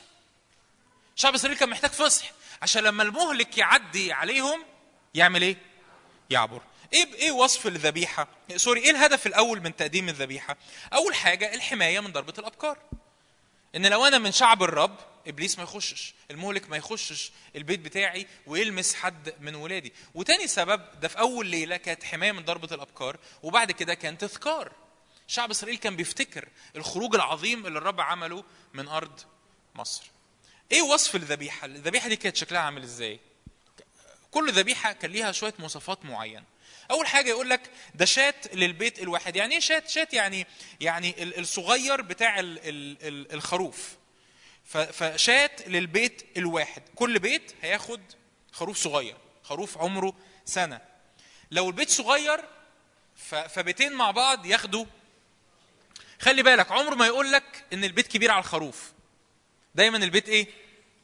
أصغر. عمر ما احتياجك يبقى أكبر من ذبيحة يسوع. دايما ذبيحة يسوع أكتر من احتياجك. أنا بحاول نربط بقى اشباه وظلال بص على على المعاني وطلع منها أشباه ما- ما- عمر أبدا ما الرب يقول إنه لو البيت كبير ياخدوا خروفين. هو مفيش خروفين. هو دايما البيت أصغر. أو يكفي. فدايما ذبيحة يسوع تكفي. تكفي تكفي إن هي تحميني تكفي إن هي خطيتي تكفي ضعفي. دايما ذبيحة يسوع تكفيني. يقول لك إنه ذكر ذكر يعني رمز للقوه ابن سنة صغير في السن. الرب يسوع مات. صغير في السن. أنا أنا بتأمل. كل ده ينفع تتأمله لوحدك. بتحفظ الشاة في البيت تحت الفحص لمدة أربعة أيام من اليوم العاشر ليوم 14 الرب يسوع كان تحت الفحص. تحت فحص مين؟ الفريسيين واليهود ورؤساء الكهنة. وقال كده من منكم يبكتني على إيه؟ على خطية فهو كان كامل كان بلا عيب لم يوجد لم يوجد في فمه مكر ولا في فمه غش. فيقول لك الشاد ده حطه تحت الإيه؟ الفحص.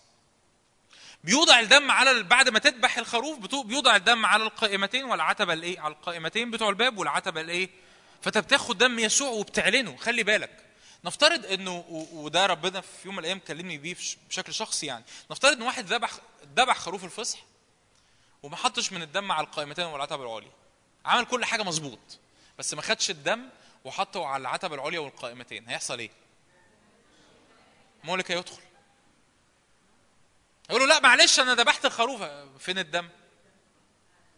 يعني إيه ببساطة؟ يعني أنت محتاج تعلن قوة دم يسوع. إنك تاخد من الدم وتحطه على العتبة العليا والقائمتين معناها بإيمان. هتقول لي طب ما هو دم يسوع اتسفك. أقول لك أيوه ما هو الخروف برضو دمه اتسفك. بس أنت ما خدتش الدم وحطيته. يعني إيه آخد دم وأحطه؟ يعني تعلنه بإيمان. طب الفصح ده كان بيتحط كل كل دي كل سنة. خد الدم واعلنه على حياتك. يا رب أنا بعلن حماية دمك على بيتي. على أبوابي على عيالي على فلوسي على خدمتي على خروجي ودخولي. بتاخد الدم وبتعمل إيه؟ وبتعلنه. هتقولي طب ما هو يسوع اتسفك اتسفك الدم. أقول لك أيوه يسوع سفك الدم. بس خد ال ال الدم ده بفعل إيماني روحي واعلنه على أبوابك. تمام؟ أمين؟ طيب اللحم يؤكل مشويا بالنار مع فطير على أعشاب مره فطير يعني ما فيهوش خمير يعني ما فيكش خطية. كرونس الأولى ستة يقول كده. كرونس الأولى خمسة sorry. ففطير يعني ما أنت ما فيكش خطية على أعشاب مره فده ده الألم اللي داقه الرب يسوع مشويا بالنار. ده بسبب ال- ال- الموت اللي الرب يسوع اجتاز فيه. يقول لك كده أنت بتاكله كله. على فكرة دي الذبيحه الوحيدة اللي هنعدي عليها اللي بتتاكل كلها. رأسه مع جوفه وإيه؟ يعني إيه تاكل فكر المسيح تاخد أحشاء المسيح تاخد سلوك المسيح. مش يسوع فصحك آه ما فصحنا المسيح قد ذبح لإيه؟ لأجلنا. تقول يا رب أنا عايز آكل فكرك وعايز آخد أحشائك قلبك وعايز أعيش بسلوكك. لأن أنت فصحي إيه اللي اتحقق في المسيح يسوع؟ يقول كده الرسول بولس كرونس الأولى 6 7 فدي مش مجرد تأملات. كرونس الأولى 6 عدد 7 إذا نقوا منكم الخميرة العتيقة لكي تكونوا عجينا جديدا كما أنتم فطير. ده فصح. كما أنتم إيه؟ لهم كونوا فطير كونوا بلا خمير. لأن فصحنا أيضا المسيح قد ذبح إيه؟ لأجلنا. لأن المسيح ذبح هو فصحنا ذبح لأجلنا. اذا لنعيد ليس بخميرة عتيقة ولا بخميرة الشر والخبث بل بفطير الإخلاص والحق. وعايز أقول لك معلومة. الرب يسوع ما اتصلبش في ليلة يوم الكفارة. الرب يسوع اتصلب في الفصح لو عايز تدرس أكتر عن الموضوع ده شجعك تدرس أكتر عن الموضوع ده. اشمعنى الفصح دي قصة كده. عملت ممكن في فيديو عندي على اليوتيوب اديت بعلم بس عن الحتة دي. اشمعنى الفصح الرب يسوع لم يصلب في يوم الكفارة. الرب يسوع صلب في يوم الإيه؟ الفصح عشان هو عبورنا من الموت للحياة. ده إنجاز التعبير. عايز أقول لك إن ده لو الصليب ليه نتائج كتير فده أعلى أعلى حاجة في الصليب إن هو عبورنا من الموت للحياة. لأن هو فصحنا قد ذبح لأجلنا. فببساطة إيه اللي اتحقق في المسيح يسوع إن الرب يسوع ال- اللي بعدها. أيوه. هو عبورنا من الموت للحياة. الرب يسوع هو حمايتي من العدو نمتلئ في الفصح من فكر يسوع ومن أحشائه ومن إيه؟ ومن سلوك. تاخد الذبيحة أنا عملت أول واحدة هي ذبيحة الفصح. هو ده ببساطة بتعمل كده. تاخد الذبيحة تقعد تأمل فيها تشوف إيه المعاني اللي الرب يكلمك بيها. ما تحاولش. لو أنت حاسس إن أنا مش عارف أعمل كده مفيش أي مشكلة اطلب روح الحكمة والإعلان. قول له رب علمني. تلاقي آيات تانية في العهد الجديد تربط لك. المعاني بالعهد القديم تقول له رب افتح عيني أكتر عشان أتملي أكتر بروح الحكمة والإعلان فأفهم أشوف يسوع في كل حاجة كانت بتحصل. آمين؟ تاني ذبيحة ذبيحة الخطية. تاني ذبيحة ذبيحة الخطية. تقرأ عنها في سفر اللويين إصحاح أربعة وإصحاح خمسة لحد عدد 13 وإصحاح ستة من أول عدد 24 لعدد 30 عايز أقول لك بس مبدئيا إيه معنى كلمة خطية؟ معناها يخطئ الهدف. في في ثلاث كلمات مش عارف قلتهم هنا قبل كده ولا لأ بس في خطية في معصية وفي إثم والثلاثه مختلفين. الثلاثه مش هم هم.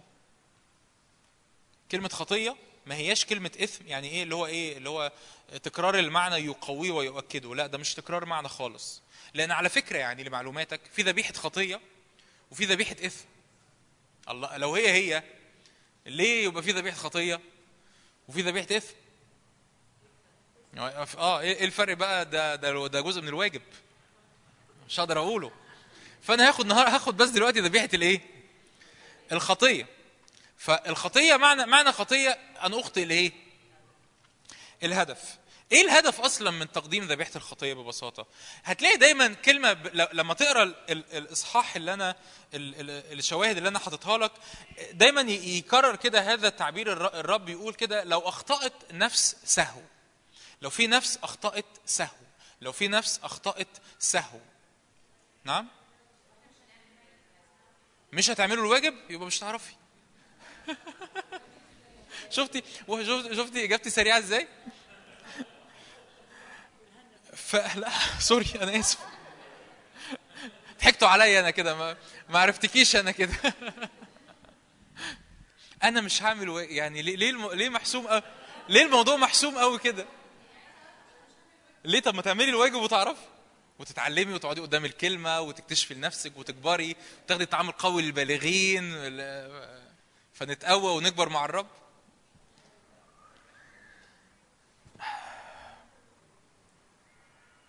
فتلاقي الرب يسوع الرب سوري مش الرب يسوع الرب دايما بيتكلم في العهد القديم عن ذبيحة الخطية بيقول كده إن, أخطأت نفس سهو. يعني أنا اخطات نفس سهو وعملت حاجة آه، حلفت حلفان ونسيته نذ- نذرت نذر ونسيته شفت واحد بيعمل خطية ونسيت تقول للناس آه، قصة قصة كل الحاجات إيه دايما إيه سهو عملت حاجة من غير ما تقصد عملت حاجة من غير ما تقصد عملت حاجة من غير ما تقصد. ليه بقى؟ إشمعنى؟ ليه ربط ده بذبيحة الخطية؟ لأن الحقيقة الخطية وده جزء من الإجابة على فكرة لأن الخطية بتكلمني عن حالة البعد العامة اللي جوه الإنسان. إن إنجاز التعبير ربنا بيقول لشعبه في العهد القديم أنت هتغلط هتغلط. سواء أنت واخد بالك أو مش واخد بالك. بس ده مش في العهد الجديد ها؟ إحنا درسنا يوحنا الأولى أبوس إيديكم. أنا بتكلم على العهد القديم. العهد القديم ربنا بيقول للإنسان إيه اللي هيحصل؟ هتغلط هتغلط. واخد بالك هتغلط؟ أو حتى سهو برضو إيه؟ هتغلط. يعني لا مفر. طب ليه ليه لا مفر؟ عشان في حالة بعد جوه الإنسان. حالة البعد دي الكتاب بيسميها الإيه؟ الخطية. ده في العهد القديم وفي العهد الجديد على فكرة. يسميها إيه؟ خطية. عشان هي دي اللي بولس يحكي عنها في رومية سبعة. يقول كده لست أنا بل حد فاكر كمان إيه؟ الخطية الساكنة فيا. مش بيقول الخطايا الخطايا دي الأفعال. هو بيقول الإيه؟ الخطية الساكنة فيا. دي حالة البعد اللي ساكنة فيا. أنا حاسس إن أنا أنا بعيد أو مش أنا حاسس. أنا في حالة بعد عن الرب ففي قوة داخلية اسمها الإنسان العتيق بحسب التعريف بتاع العهد الجديد. اسمها الإنسان قوة داخلية اسمها الإنسان العتيق. دايما الإنسان العتيق في العهد الجديد قد صلب عشان ما حدش يرجعني لورا. في العهد الجديد صلب. إحنا بنتكلم دلوقتي إن أنا في العهد القديم. ففي العهد القديم الإنسان العتيق ده دايما بيبعدني عن ربنا بيجبرني إن أنا أغلط بيخليني أمشي بعيد حتى وأنا مش واخد بالي بغلط. تمام؟ فذبيحة الخطيه دي, الذبيحة اللي بتقدم عن عن عن حالة الخطيه بتاعت الإنسان. ويقول لك بقى وصف يعني تعالوا نخش على وصف الذبيحة. يقول لك دي دي على فكرة الذبيحة ال... الوحيدة اللي اللي اللي, الرب يقعد يوصف فيها بالشكل ده. يقول لك ده كل الناس بتغلط. ده كل الناس محتاجين يقدموا ذبيحة الخطية دي.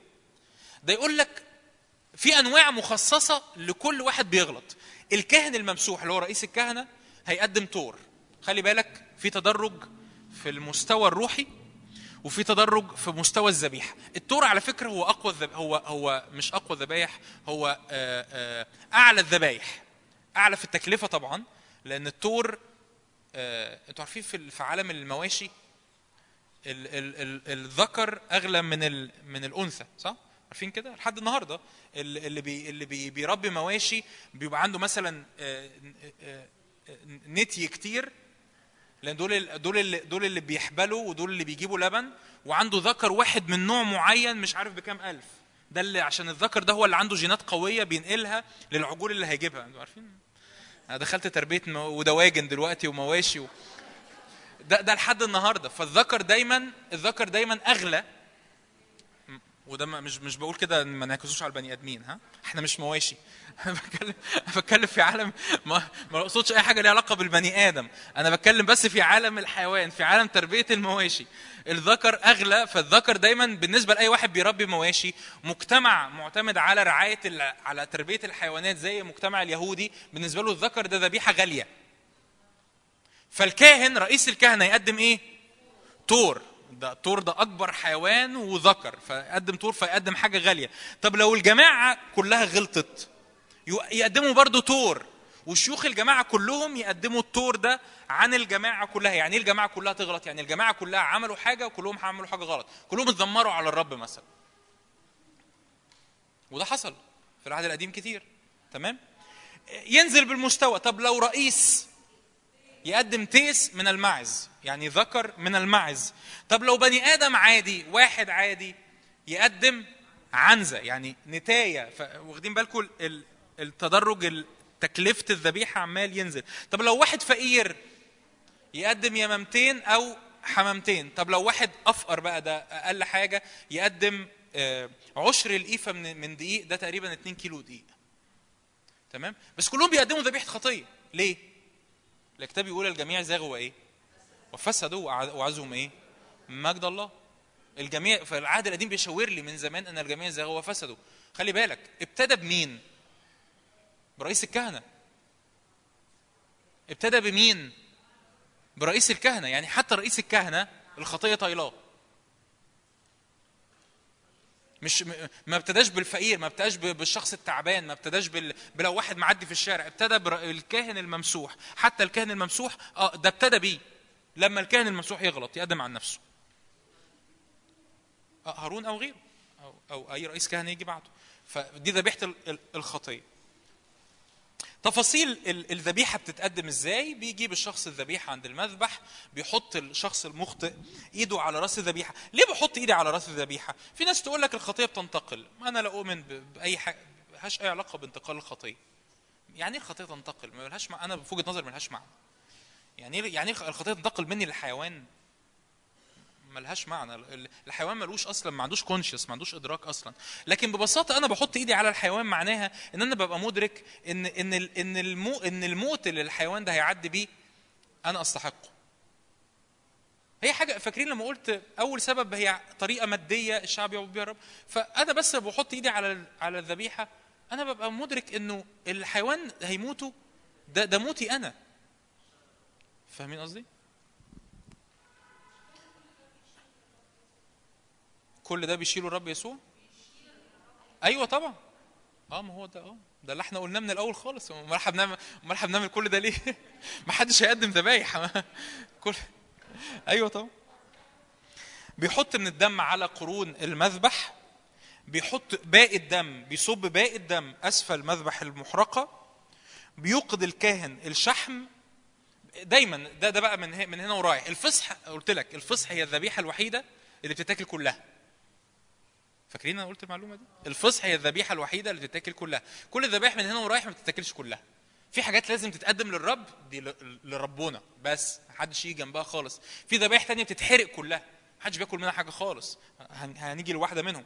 فالكاهن بيحط الشحم بيحط الكليتين بيحط الكبد والدهن اللي حوالين الكبد والدهن اللي حوالين اشمعنى الدهن الدهن؟ لأن هو ده اللي ريحته حلوة على المذبح على فكرة. أي حد شوى أي حد عمل باربيكيو قبل كده؟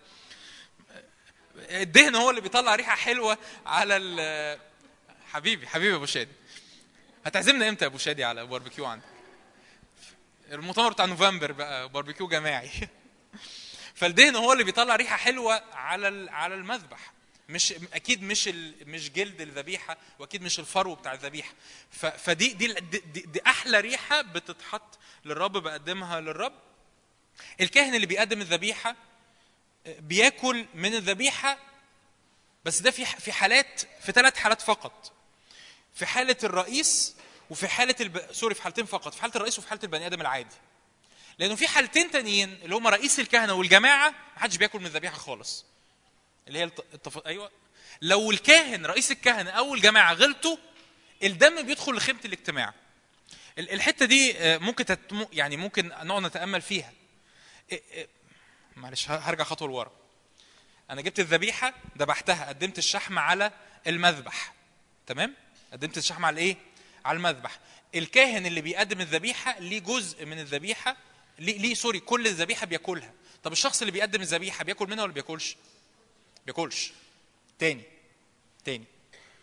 جبت تور بلاش تور أنا بني آدم عادي عادي جبت عنزة. قدمت طبعا الحمام واليمام ليهم قصة مش عشان تفاصيل كتير مش هدخل فيهم. مش هدخل فيهم. بس أنا جبت معزة. ذبحت المعزة. النهارده حصة جزارة. ذبحت المعزة.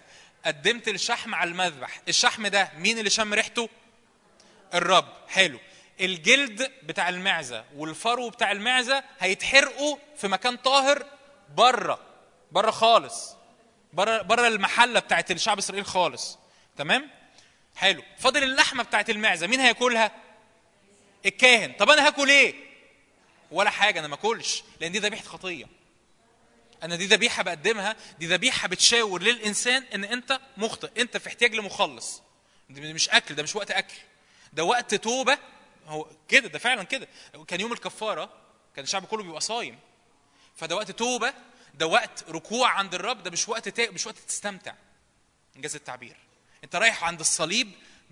دلوقتي طبعا نشكر الرب في العهد الجديد بتتوب وبعديها. وبعديها بلحظات بتشكر الرب وبتستمتع لكن لكن في العهد القديم عشان بيشاور على قبح الخطية فده وقت توبة فده مش وقت تاكل فاللي بيقدم الذبيحه ما بياكلش مين بقى بياكل الكاهن بس في حالتين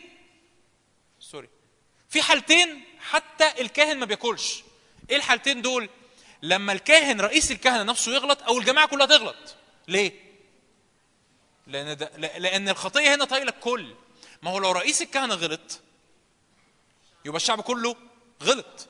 لو الجماعة كلها غلطت فالجماعة كلها غلطت. هنا الدم بيدخل بياخد رئيس الكهنه الدم ويدخل بيه لخيمة الاجتماع جوه. ده ما بيحصلش في الطبيعي. مش أي واحد يجي يقدم ذبيحة خطيه بيدخلوا بيه الدم جوه. مين يدخل بالدم؟ في أنهي حالة الدم بيدخلوا بيه خيمة الاجتماع؟ في حالة رئيس الكهنة أو الجماعة. وبينضح سبع مرات من الدم عند حجاب القدس وبيجعل من الدم على قرون مذبح البخور اللي هو جوه القدس. حد فاكر المرة اللي فاتت؟ حد فاكر دار الخارجية والقدس وقدس الأقداس؟ فده الدم دخل جوه. عشان كده الرب يحط المبدأ أيوه اللي بعده بقى. يحط هذا المبدأ أيوه هي الايه دي كل ذبيحة خطية يدخل من دمها إلى خيمة الاجتماع للتكفير في القدس لا تؤكل تحرق بالنار. طب اللحمة بتاعت الذبيحة يتعمل فيها إيه؟ تتحرق برضو بالكامل بره المحل. ما تاكلش منها خالص. ليه؟ لأن الجماعة كلها مخطئة. ما هو لو رئيس الكهنة لو الكبير بتاعنا غلط يبقى إحنا كلنا غلطنا. وبما فيهم الكهنة فما حدش هياكل. كلنا بنتوب. الإيه؟ التور ما يتاكلش خالص. ده اللي دخل بيه الدم جوه القدس. تمام؟ اللي هو في حالة خطية رئيس الكهنة وفي حالة خطية الجماعة كلها. لأن ده وقت توبة. آه، خلي بالك برضو آه، ممكن تر... طب طب ليه نرش بالدم على الحجاب؟ لأن ده رئيس الكهنة اللي من حقه يدخل جوه. وهو غلط. فهو محتاج إنجاز التعبير يرش الدم مطرح ما هو كان بيعدي. طب ليه يحط من الدم على مذبح البخور؟ لأن عبادتي لازم تبقى متطهرة بدم يسوع.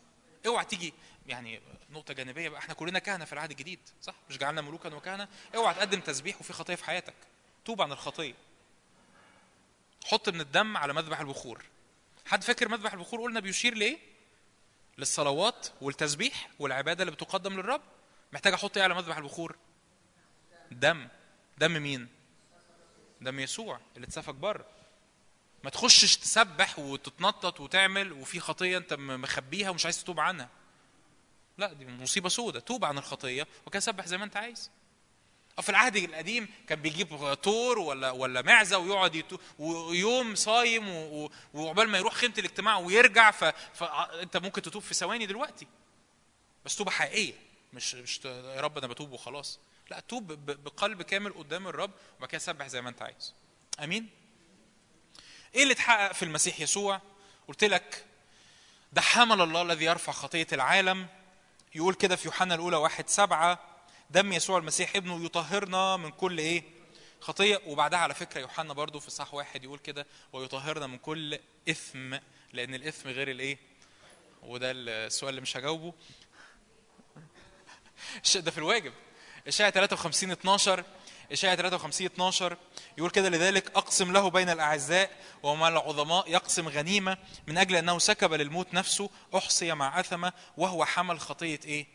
كثيرين وشفع في المذنبين بطرس الثانية بطرس الأولى صح 2 24 الذي حمل هو نفسه خطايانا في جسده على الخشبة لكي نموت عن الخطايا فنحيا للبر رب يسوع عمل إيه؟ رب يسوع حمل خطايانا في جسده الرب يسوع ما غطاش خطية العالم لكن رفعها بالكامل دم يسوع يطهرني من كل إيه؟ يطهرني يحرق يحرق آثار الابتعاد اللي جوايا. آمين؟ يحرق آثار الابتعاد اللي جوايا. آثار الحتت اللي في قلبي اللي بتخل... ما قلنا الخطية بتشير لحالة الابتعاد العامة. صح؟ الخطية الساكنة فيا. دم يسوع يعمل إيه في الخطية الساكنة فيا؟ يحرقها. دم يسوع يعمل إيه في الخطية الساكنة فيا؟ يحرقها يطهرني منها يطهرني منها. ما افضلش بعافر مع سلوك خارجي وفي جدر في قلبي يجي يحرق الجدر. دم يسوع يطهرني من كل إيه؟ خطية. أمين؟ الذبيحة الثالثة. ذبيحة لذيذة جدا. اسمها ذبيحة السلامة. يعني إيه السلامة؟ سلام وشكر. سلام سوري سلام وشركة. يعني إيه ذبيحة السلامة؟ سلام وإيه؟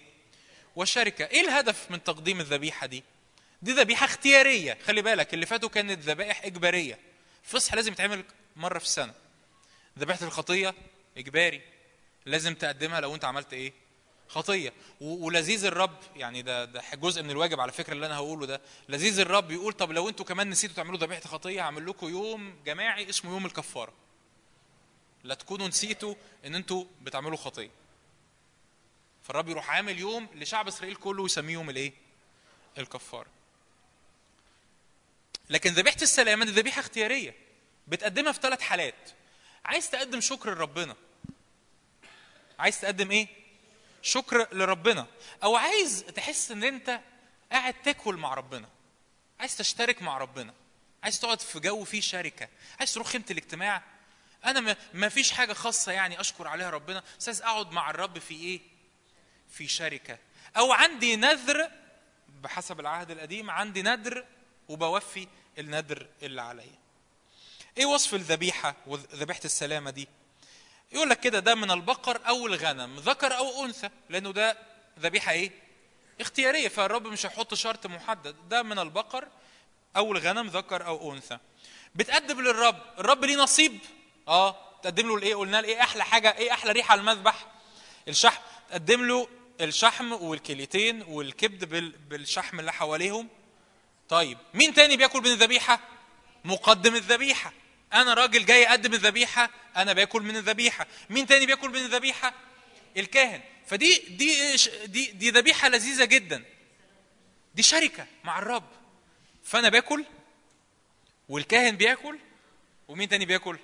إنجاز التعبير والرب كمان بيعمل إيه؟ بياكل. فاحنا قاعدين بناكل مع بعض. أنا قاعد في مكان يقول لك كده ده من من إحدى ال- ال- الأوصاف في, ذبيحة السلامة إن هي بتتاكل في مكان مقدس. فأنا قاعد ممكن أكون عايش بعيد عن خيمة الاجتماع.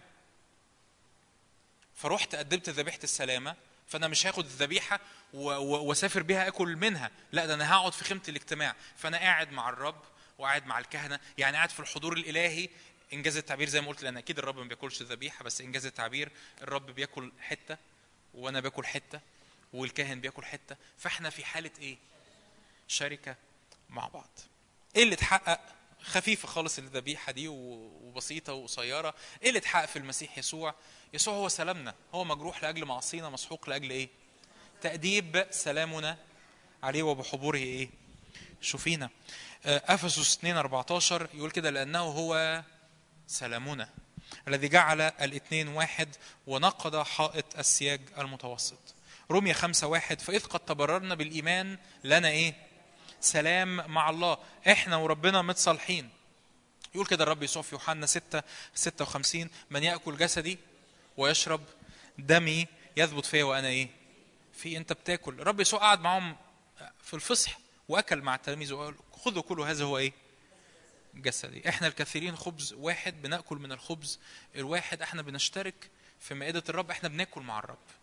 إحنا بناكل مع الايه مع الرب. ف ف ف فالمائده ذبيحة سلامة. المائده حد هنا بتتناول بتتناولوش ولا إيه؟ بتتناولوا ولا بتتناولوش؟ فالتناول ذبيحة سلامة. بتاكل مع الرب. بتاكل مع الرب. طب هي فين الذبيحة؟ ما هو الذبيحة. هو ذبي هو إيه؟ سلامنا هو ذبيحة السلامة بتاعتنا اللي إحنا بناكل منها. أمين؟ فالرب يسوع هو سلامنا. وفي الإفخارستية ما يعني إيه إفخارستية؟ آه، يعني إيه أصلا كلمة يوكاريست؟ يعني إيه إفخارستية أصلا؟ يعني شكر على فكرة. شكر. إفخارستية يعني إيه؟ سلام يا جماعة مش مش مش بلزق لك المعاني. هي إفخارستية يوكاريست كلمة يوكاريست. اللي هي إفخارستية معناها شكر. هي ميدة شكر أصلا. شكر لإيه؟ الذبيحة اللي متقدمة. لما بروح أتناول أنا بشكر رب على صليبه وبشكر رب على قيامته وبشكر رب على اللي بيعمله في حياتي. بدخل معاه في في شركة مليانة سلام. هتقولي طب هو الميدة ما بتفكرنيش بالصليب اللي شال خطيتي؟ ما هو بتفكرني برضو بالصليب. هي نفس الذبيحة. الرب يسوع هو فصحي. الرب يسوع هو ذبيحة الخطية بتاعتي الرب يسوع هو ذبيحة السلامة بتاعتي. ففي المايده أنا أنا باكل جسد المسيح وبشرب دمه بقعد في شركة حقيقية مع الرب أنا باكل وهو بيستمتع. آمين؟ ماشي شكلنا هناخدهم كلهم. ذبيحة المحرقة الذبيحة الرابعة. ذبيحة المحرقة لويين واحد كله الاصحاح كله اصحاح 6 من عدد 8 لعدد 31 إيه إيه الهدف من من من إيه سوري إيه المعنى؟ إيه إيه معنى كلمة محرقة؟ الحقيقة كلمة محرقة كلمة غريبة شوية لأن مش مش يعني العبري مش معناه كده خالص. هي كلمة محرقة لما ترجع لها للأصل العبري معناها صاعدة. ده ده معنى الكلمة. لما لما يقول كده لما يجي إنسان يقدم صاعدة. طب إيه ليه ترجمناها محرقة؟ لأن الذبيحه تتحرق كلها. كلها كلها. كلها بتحط على المذبح. مفيش حاجة بتترمي بره مفيش حاجة بتتاكل. حتى الكاهن اللي بي اللي بيقدم منها ما بياكلش حاجة دي اسمها إيه؟ محرقة. بتتحرق كلها. فعشان كده اترجمت محرقة لكن هي الأصل بتاعها في العبري حتى هي اسمها إيه؟ صاعدة. يعني إيه صاعدة؟ يعني أنت بتحطها كلها على المذبح فالذبيحة كلها بتصعد للرب. تمام؟ إيه الهدف من تقديم الذبيحة؟ ذبيحة اختيارية برضو. مش ذبيحة إجبارية. بس الشخص بيقدمها بيقول له يا رب أنا بقدمها لك علشان أنت تبقى مبسوط. يعني إيه ذبيحة المحرقة بالنسبة لي أنا في العهد الجديد؟ إن أنا بقى إن أنا بقدم حياتي كلها لسرور الرب. ما هو ده اللي داود كان بيقوله في مزمور 40 أذني فتحت أن أفعل مشيئتك يا إلهي إيه؟ سررت ذبيحة محرقة. يا رب أنا بحط كل حياتي ذبيحة إيه؟ محرقة. بحط كل حياتي ذبيحة محرقة. كلها تصعد لي. كل حياتي كل إمكانياتي كل إنجاز التعبير الشحم واللحم والفرو والجلد كل حاجة فيا تتحرق لك. مش مش مش بولس يقول في العهد الجديد حسبنا مثل غنم للإيه؟ للذبح. من أجلك نموت كل الإيه؟ النهار. يعني بولس بيقول أنا قدمت حياتي ذبيحة محرقة. هو بولس يهودي على فكرة أنتوا عارفين كده؟ بولس ما كانش مسيحي. أنتوا مخضوضين قوي. في ناس اللي هي أول مرة تيجي درس الكتاب مغضوب يعني تخضوش قوي كده. بولس كان يهودي عادي يعني بولس لما كان بيقرأ كتاب مقدس كان بيقرأ إيه؟ بيقرأ العهد القديم. تفتكر بولس لما لما يعني تخيل معايا بولس دخل كنيسة من الكنائس أو دخل مجمع من المجامع وعايز يشرح لهم إن يسوع ذبح لأجل خطايانا وعايز يقرأ شاهد كتابي. ما استبعدش إن بولس يروح فاتح سفر اللاويين وقاري شريعة ذبيحة الخطية ويقول لهم ده اتحقق في يسوع. أكيد بولس عمل كده. هو فيلبس لما بشر الخصي الحبشي بشر له من من رسالة روميا؟ بشر له من إيه؟ اشعياء 53 مسحوق لأجل خطايانا صح؟ مجروح لأجل أثامنا تأديب سلام عليه وحبوره إيه؟ شوفينا والخصي الحبشي قال له قال له أسألك عن من يتكلم هنا؟ فابتدأ بهذا الكلام يبشره بإيه؟ بيسوع. فالتلاميذ كانوا بيعلموا من إيه؟ من العهد القديم. يفتح ذبيحة السلام ويقول لهم أهو هو ده اللي بيحصل في المايده يفتح ذبيحة الخطيه ويقول لهم هو ده اللي حصل في الصليب. يفتح يفتح الفصح ويقول لهم أهو المسيح فصحنا ذبح لأجلنا. عيشوا أنتوا فطير من غير خمير يعني من غير خطيه تمام؟ فأنا فإحنا مش بنلبس المعاني. ده كتابي جدا اللي إحنا بنعمله ده. أمين؟ طيب آه إيه وصف ذبيحة المحرقة؟ من البقر أو الغنم ذكر. ليه؟ اشمعنى الذكر؟ لأن الذكورة بتشير للقوة. بس الذكورة بتشير للقوة. فأنت عايز تخدم الرب. يا رب أنا عايز حياتي تبقى محرقة ليك. لا أنت هتعيش بقوة للرب. هتعيش بإيه؟ بقوة للرب. أو اليمام أو الحمام. الإنسان بيحط إيده على الذبيحة بتتقطع الذبيحة وبتتغسل كلها بالمية وبتحترق والذبيحة كلها بتحترق على المذبح وقود للرب. فببساطة ذبيحة المحرقة بتشير لحياتي اللي بتقدس بالكامل للرب اللي بتخصص بالكامل للرب. خلي بالك العجيب في سفر اللاويين إيه؟ لو حد معاه كتابه يعني مش مش هنقرأ الآيات بس عايز أشاور لك على حاجة. لوين واحد من لو لوين واحد يبتدي بالمحرقة؟ اللي هي ذبيحة اختيارية. لوين اتنين التقدمه مش ما اتكلمش عن التق- التقدمه لوين ثلاثة ذبيحة السلامة. لوين أربعة ذبيحة الخطية. لوين ستة ذبيحة الإثم. هو أنا لو أنا عايز أقرب من ربنا هبتدي من فين؟ من الإثم أو الخطية. وبعد كده هتشجع شوية فهقدم هقدم ذبيحة سلامة. بعد كده هتشجع زيادة أقول له يا رب أنا عايز كل حياتي تبقى ليك. هقدم ذبيحة إيه؟ محرقة. فاكرين لما اتكلمنا عن خيمة الاجتماع؟ حد فاكر؟ الوصف ابتدى من جوه ولا من بره؟ هللويا أشكرك يا رب فاكرين. من جوه. ربنا لما بيجي يبتدي يكلمك بيبتدي يكلمك من الهدف اللي انت رايح له مش من ضعفك. لما الرب جه يتكلم مع شعب إسرائيل ما قال لهمش أول حاجة تقدموا لي ذبيحة الخطية. أول حاجة ابتدى يتكلم بيها ذبيحة الإيه؟ أنا عايزكم مكرسين ليا. أنا عايزكم إيه؟ بتوعي مخصصين. مكرسين مقدسين بالكامل ليا. كل حياتكم تصعد على المذبح. اللي اتحقق في المسيح يسوع من غير ما أقرأ الآيات عشان نفسي أختم بالذبيحة الأخيرة دي. يسوع المسيح هو موضع سرور الآب لأن الذبيحة دي كانت بتقدم بالكامل لسرور الرب. وفي المسيح يسوع صرنا مقدسين وكاملين ومكرسين لله بالكامل بلا عيب ولا لوم. انت بقيت في المسيح مقدس بالكامل مخصص بالكامل مكرس بالكامل من غير ما تعمل حاجة مجرد بتقدم حياتك كل يوم قدموا أجسادكم ذبيحه إيه حية مقدسة مرضية عند الله عباداتكم العقلية بتختبر إرادة الله الصالحة المرضية الكاملة. إيه آخر ذبيحة؟ وأنا بحبها قوي وشعرت يعني أنا كنت الحقيقة محضر لحد أربعة بس شعرت كده أنا عايز أختم بالذبيحة دي وعايزين نصلي بيها يعني نصلي بذبيحة الملء دي.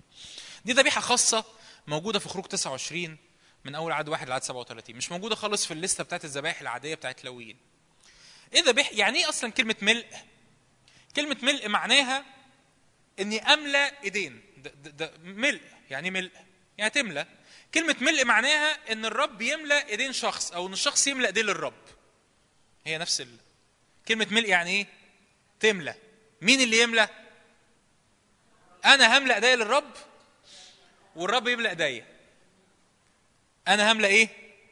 إيديا للرب والرب يعمل إيه؟ يملى إيديا. بتتقدم إمتى ذبيحة الملء دي؟ هي ذبيحة الملء دي ليها كده قصة خاصة بتتقدم فقط في تكريس الكهنة. أنا راجل من سبط لاوي تميت 30 سنة عايز أبقى كاهن. تعالى يا حبيبي هنعمل لك آه، آه، program تكريس. برن... وده اللي شعرته لأن الرب عايز يمسحنا. الكاهن ده الكاهن ده كان لاوي عايز يكرس يبقى هيخدم. أنا شعرت كده الرب عايز عايز أختم بالذبيحة دي لأن الرب عايز يمسحنا للخدمة. الرب عايز يدخ... عايز أختم بيها لأنه عايزين نصلي بكده إن الرب يمسحنا للخدمة. الكاهن كان بيتعمل معاه ثلاث ذبائح خاصة. تعمل إيه بقى؟ فدي ذبيحة خاصة. مش مش أي واحد معدي في الشارع كده يقول لي أنا هقدم ذبيحة ميل. لا تع- تعالى يا حبيبي أنت أصلك. مش أي حد لاوي حتى. لا ده واحد لاوي وهيبقى إيه؟ كاهن. لا تعالى بقى. هن- هنعمل شوية حاجات. هنجيب له الأول تور ذبيحة خطيه زي أي ذبيحة خطيه وبعد كده هنجيب له كبش ونقدمه إيه؟ محر... خلي بالك من التسلسل. هو هو الرب قال كده ده ثور ذبيحة خطيه وبعد كده سماه الكبش الأول والكبش الثاني. هو في ترتيب. إيه الأولاني؟ ذبيحة إيه؟ أنا أنا بعيد عن الرب أنا وحش أو أي أو أنا ابن للرب بس في خطية في حياتي فأنت بتوب عن الخطية بتيجي عند الصليب بتوب عن الخطية. دم يسوع المسيح ابنه يطهرك من كل إيه؟ خطية. بعد كده تقول يا رب أنا عايز أخدمك. حلو هتخدمني؟ عايزني املى لك إيديك؟ وأنا يا رب جاي ملي لك إيديا بحياتي. أنا عايز أقدم لك حياتي للخدمة. عايز أقدم لك حياتي لعمل الرب. حلو. قبل ما تقدم الملء قدم حياتك إيه الأول. قدم حياتك إيه الأول. محرقة. قدم حياتك كلها بغض النظر هتخدم أو مش هتخدم. قدم حياتك تكريس للرب. فالأول بنجيب ذبيحة خطية. بنقدمها بتغطي خطية هذا الشخص. بعد كده بيجيب كبش ويقدمه إيه؟ محرقة. بعد كده يجيب الكبش الثالث ده بقى ده بقى ده حاجة خاصة. ده ما, ما, تقراش عنه في أي حتة تانية. إلا في إلا في قصة تانية بس مش مش موضوعنا يعني. بس ما يتسماش كبش الملء على فكرة. كبش الملء ده ما تقراش إلا عنه في خروج 29 ده يتعمل بيه إيه ده بقى يتعمل بيه حاجة كام حاجة كده معينين. أيوه بتحط الأول. بعد ما بتذبح الكبش بتحط من الدم بتاع الكبش على شحمة الأذن اليمنى وعلى إبهام ال... ال... ال... الإيد اليمنى وعلى إبهام الرجل الإيه اليمنى تاخد من الدم ومن دهن المسحة وتنضح بيه على الكاهن وهو لابس اللبس بتاعه تاخد الشحم والكليتين اللي هو برضو زي ما قلنا الشحم الحاجة اللي ريحتها الحلوة والساق اليمنى الساق القوة تتحط على المذبح وبعد كده الكاهن اللي انت بتكرسه ياكل منها. لا كاد يتحرق؟ لا كاد ما يتحرقش. مش هنحرقه ده لسه هيخدم ده. لا لا ما هو حرق هو ذبيحة المحرقة لكن مش هنحرق الراجل. انت اندمجتي قوي معايا.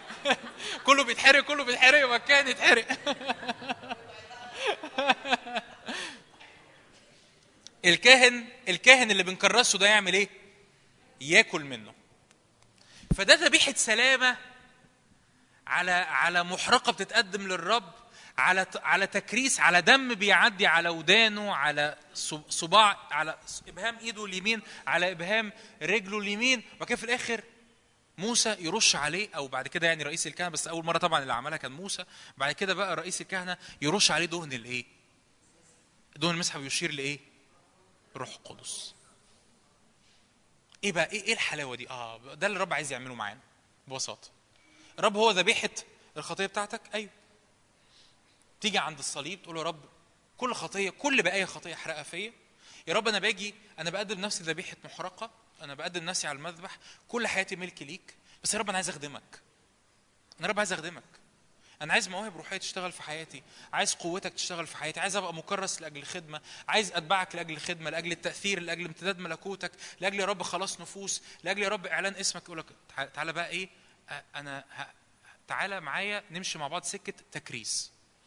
أنا عايز عايز ألمس بدم يسوع حواسك. إيه اللي بيدخل؟ إيه اللي بيدخل لعينيك؟ إيه اللي بيدخل لودانك؟ إيه اللي بتاكله؟ إيه اللي بتشربه؟ عايز أقدس إيه؟ مين اللي يقدس؟ الدم يقدس، يطهر، يحرق. عايز أطهر أعمال إيديك. عايز أطهر سلوكك اليومي. ده يحصل بإيه؟ بالدم، وبعد الدم تيجي المسحة. يتعمل له قد إيه بقى؟ كام يوم بقى يقعد يتكرس هذا الكاهن؟ سبعة أيام. سبعة أيام كل يوم. ذبيحة خطية كبش محرقة كبش ملء كل يوم لمدة سبعة أيام. ذبيحة خطية كبش محرقة كبش ملء وتعالى وخلي بالك كبش ملء ده مين بياكل منه كمان؟ الكاهن بياكل منه والرب بياكل منه. فأنت بتدخل في شركة مع إيه؟ مع الرب. أمين؟ إيه اللي حصل في الرب يسوع؟ عايز أختم لك بالآية دي. أعمال 2 33 إذ ارتفع بيمين الله أخذ موعد الروح القدس من الآب سكب هذا الذي أنتم الآن تبصرون وتسمعونه معلش أنا عايز أر... إحنا قلنا في ثلاث ذبايح. إيه الثلاث ذبايح؟ خطية محرقة أنا بتكلم على الأخيرة بس. خطية محرقة كبش الملء. تمام؟ حلو. الرب لا هاتي ال... فين ال... أيوه هي دي. الرب يسوع قبل ما يرتفع قدم نفسه ذبيحة إيه؟ خطية. وبعد كده ارتفع فهو كده صاعد. فدي ذبيحة الإيه؟ المحرقة. لما صعد سكب المسحة لأنه ده تكريس. ده كبش الملء. فيسوع هو ذبيحة الخطية بتاعتك؟ يسوع هو كبش المحرقة بتاعك؟ ويسوع هو كبش الإيه؟ الملء بتاعك. انت في يسوع بتقول يا رب أنا بتغطى من كل خطية كل خطية بتتحرق كل خطية بترفع كل بتطهر من كل خطية. يا رب يسوع صعد. طب أنا ما صعدتش للسماء هو صعد. هو صح هو قدم نفسه. طب أنا لسه مش عارف اقدم نفسي لسه بصارع. قول له يا رب أنا في يسوع بقدم نفسي. أنا بمشي معاك سكة تكريسة بمشي معاك سكة من القداسة. طب بس في مشاكل أنا عندي وداني اوقات بتسمع حاجات مش نقية. عينيا ساعات بتشوف حاجات مش نقية. افعالي سلوكي العملي ساعات بيحصل فيه حاجات مش نقية. يا رب تعالى بدمك.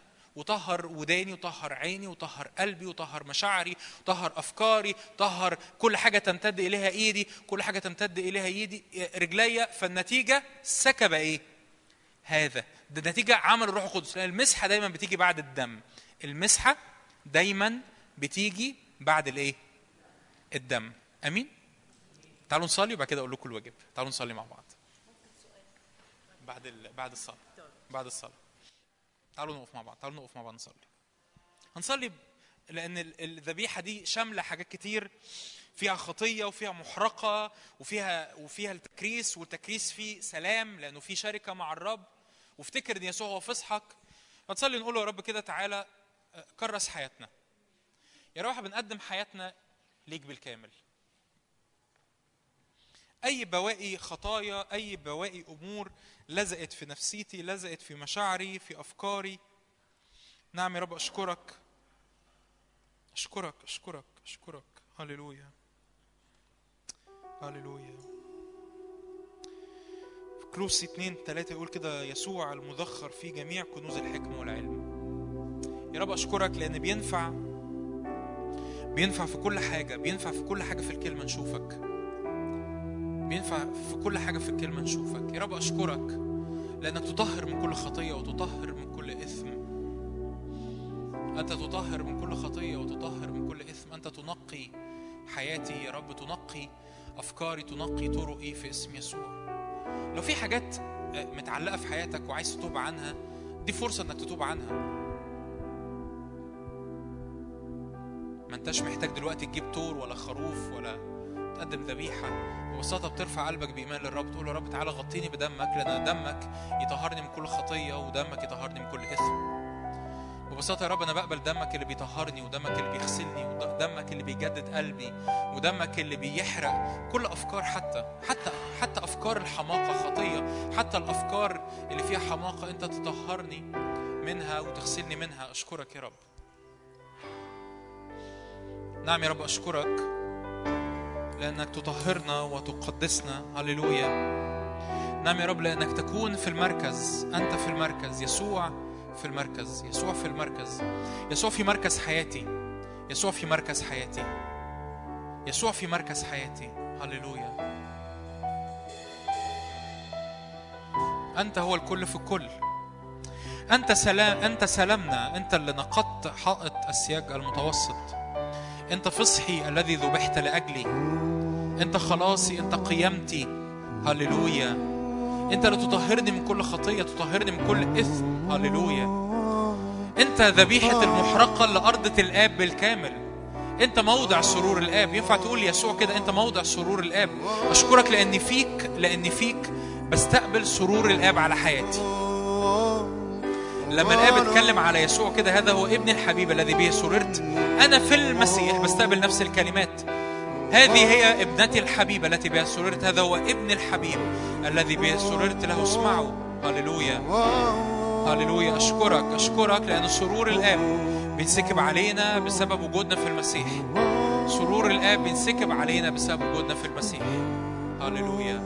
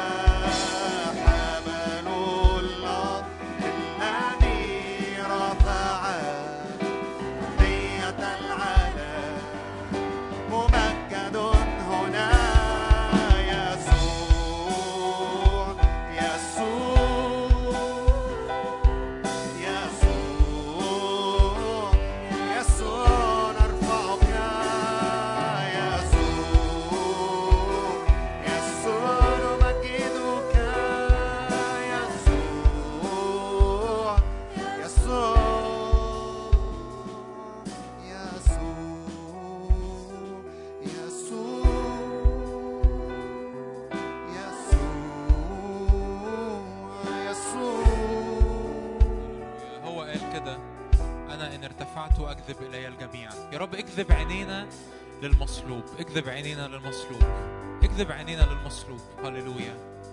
هللويا. هللويا. رب يسوع يقول كده إنه لهذا الآب يحبني لأني أضع نفسي. لست لي ليس أحد يأخذها مني بل إني أضعها. لي سلطان أن أضعها ولي سلطان أن أخذها أيضا. قول رب أشكرك لأجل الدم المسفوك. أشكرك لأنك وضعت نفسك. أشكرك لأنك سفكت الدم. أشكرك لأنك حبيت للمنتهى لأنه ليس لاحد حب أعظم من هذا ان يضع أحد نفسه لأجل أحبائه. أشكرك لأنه الكتاب بيقول كده إن جعل نفسه ذبيحة إثم يرى نسلا تطول أيامه ومسرة الرب يده تنجح. يا رب أشكرك لأنك جعلت نفسك ذبيحة خطية ذبيحة إثم لأنك يا رب حملت حملت خطايانا على الخشبة. أشكرك لأنك حملت خطيتي على الخشبة. أشكرك لأنك حملت ضعفي على الخشبة. أشكرك يا رب لأنه إيه بقى إيه بقى القيد اللي في حياتك اللي مش عارف تخلص منه؟ إيه بقى الأمر اللي في حياتك الخطية الكبيرة اللي في حياتك اللي مش عارفة تخلصي منها؟ قول يا رب أشكرك لأن هذه الخطية أنت حملتها على الخشبة. هذا الإثم أنت حملته على الخشبة. كل يا رب أمور يا رب قديمة كل أمور ضعفات كل أمور فشلي كل أمور يا رب نقائصي كل أمور ضعفي الجسدي كل أمور نفسية كل أمور أرضية كل أمور شيطانية. الرب يسوع حملها على الخشبة. يا رب أشكرك لأنك تحررني من كل خطية. لأن دم يسوع المسيح ابنه يطهر من كل خطية ويطهر من كل إثم. في اسم يسوع. في اسم يسوع. روح الله تعالى لمع يسوع قدام عينينا. لمع يسوع المصلوب قدام عينينا لمع يسوع المصلوب قدام عينينا. علي يسوع المصلوب قدام عينينا. نعم نعم. علي يسوع المصلوب قدام عينينا. فنحط حياتنا محرقة. فنحط حياتنا نقدم أجسادنا ذبيحة حية مقدسة عندك. يا رب حط يسوع لمع يسوع قدام عينينا ارفع الحمل المذبوح على الصليب. ارفع الحمل المذبوح على الصليب يا رب قدام عينينا. فرب نستغلى صليبك نستغلى دمك نستغلى تبعيتك نستغلى رب تكرسنا لحياتك في اسم يسوع. في اسم يسوع.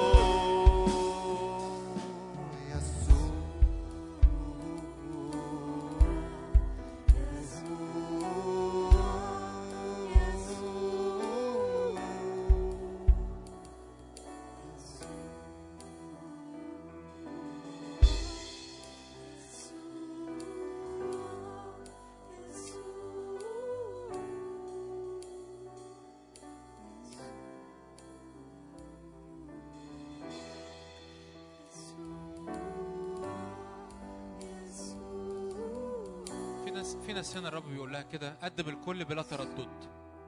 قدم الكل بلا تردد. قدم الكل بلا تردد. حط حياتك ذبيحة بلا تردد. رب يسوع لم يتردد إنه يقدم ذبيحة لأجلك. رب يسوع لم يتردد إنه يقدم حياته لأجلك. قدمي حياتك بلا تردد. قدمي حياتك بلا تردد. بلا خوف. انت بتودع نفسك في إيدين إله صالح. إيدين إله مليان حياة مليان قوة مليان نعمة مليان بركة مليان مقاصد إلهية لحياتك. نعم يا رب نحط حياتنا نحط حياتنا بين إيديك بلا تردد بلا خوف في اسم يسوع.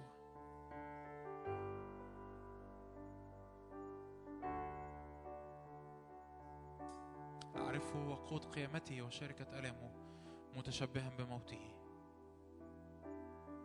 لعلي أدرك الذي لأجله أدركني أيضا المسيح يسوع. نعم يا رب نحط كل الحياة بلا تردد. بنحط كل الحياة بلا تردد. لأنك تستحق. لأنك تستحق. نعم يا رب أنت فصحي. أنت عبوري من الموت إلى الحياة. أنت سلامي. أنت اللي أدخلتني في شركة. أنت ذبيحة الخطية اللي رفعت خطيتي. هللويا. أنت المحرقة. أنت موضع سرور الآب. وأنت تكريسي. أنت تكريسي.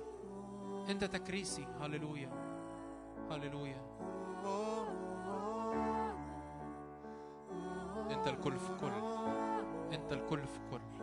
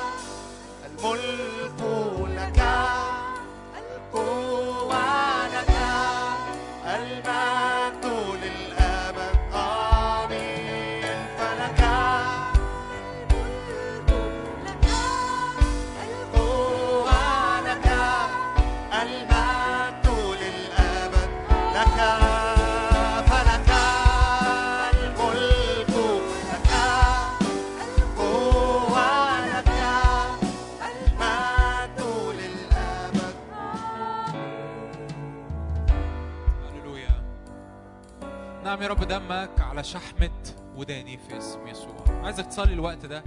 قدس قدس أمور. يا رب دمك على ضميري دمك على خيالي دمك على أحلامي دمك على أفكاري دمك على طرقي دمك على فلوسي. دمك على الطريقة اللي ببص بيها للناس اللي حواليا ببص بيها للناس ببص بيها لأي أمر. يا رب دمك على وداني بتسمع إيه وأفكاري والأفكار اللي بتدور في خيالي والأفكار اللي بتدور في دماغي. أفكار يمكن ما تكونش أفكار خطية كبيرة لكن أفكار مش مقدسة. أف... يعني إيه مش مقدسة؟ يعني مش بحسب كلمة الرب. يعني الرب بيجي بأفكار تشجيع بأفكار قوة وأنا كل الأفكار اللي بتدور في دماغي أفكار فشل وأفكار خوف. دي مش أفكار مقدسة. يقول يا رب أنا بحط دمك على أفكاري. دمك على مشاعري دمك يا رب على جسدي دمك على جسدي دمك على ايديا دمك على عمل ايديا دمك على فلوسي دمك يا رب على مسيري اليومي. نعم يسوع يسوع دمك دمك على كل حياتي. دمك يغطي كل حياتي دمك يغطي كل حياتي. دمك على العتبة العليا والقائمتين في اسم يسوع. لو عندك ولاد صلي لأجل ولادك صلي لأجل بيتك. لو عندك زوج لو عندك زوجة صلي لأجل زوجتك صلي لأجل زوجك.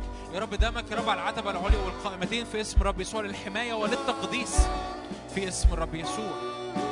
هللويا. وبعد الدم بتأتي المسحة.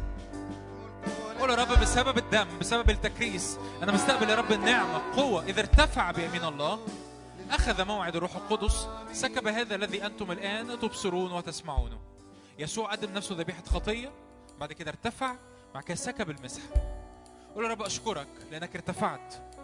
أخذت موعد الروح القدس سكبت عمل الروح القدس. روح الله روح الله أنا بستقبل مسحه مسحة تقدس مسحة تخصص مسحة تملأني بالهبات مسحة تملأني بالثمار الروحية في اسم الرب يسوع مسحة يا رب للتأييد في العمل وتأييد في الخدمة وتأييد يا رب في عمل الروح القدس تأييد يا رب في عمل الخدمة وفي الإثمار وفي خلاص النفوس يا رب وفي وفي شغلي حتى وفي عملي أكون شاهد بما رأيت وسمعت أشهد عن عملك أشهد عن محبتك. صدقني صدقني. عايز أقول لك حاجة. أكتر حاجة تزود عمل المسحة في حياتك هي القداسة. أكتر حاجة تزود عمل المسحة في حياتك هي القداسة. مش إنك تقعد تقول يا رب عايز مسحة عايز مسحة، قول يا رب عايز قداسة. عايز قداسة. يعني عايز قداسة، يعني عايز دم. دم يتحط على وداني وعلى صوابعي وعلى رجليا. يا رب أنا عايز دمك يتحط على وداني، على حواسي وعلى إيديا وعلى رجليا. دمك يتحط على حواسي وعلى عمل إيديا وعلى سلوكي وعلى أفكاري وعلى مشاعري وعلى أحلامي وعلى طرقي على خروجي وعلى دخولي. اضمن إن اللي بعدها على طول أول ما الكاهن أول ما رئيس كهنتنا الأعظم يسوع يرش الدم اطمن على طول لأنه هيرش بعديها دهن المسحه قول يا رب أشكرك لأني بستقبل الدم وأستقبل عمل الروح القدس في حياتي.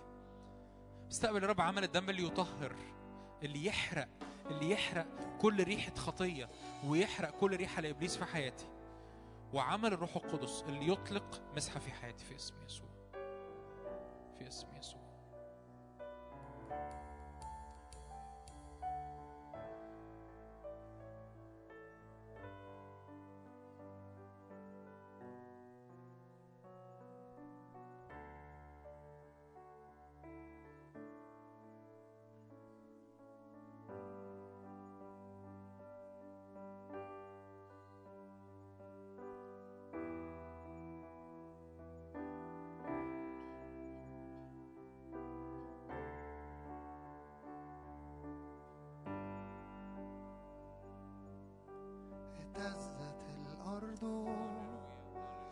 فتح القبر حبه الشديد لا ينهزم أين شوكتك؟ يا قوة الموت قد غلب الحمام. اهتزت الأرض اهتزت الأرض. انفتح القبر حبه الشديد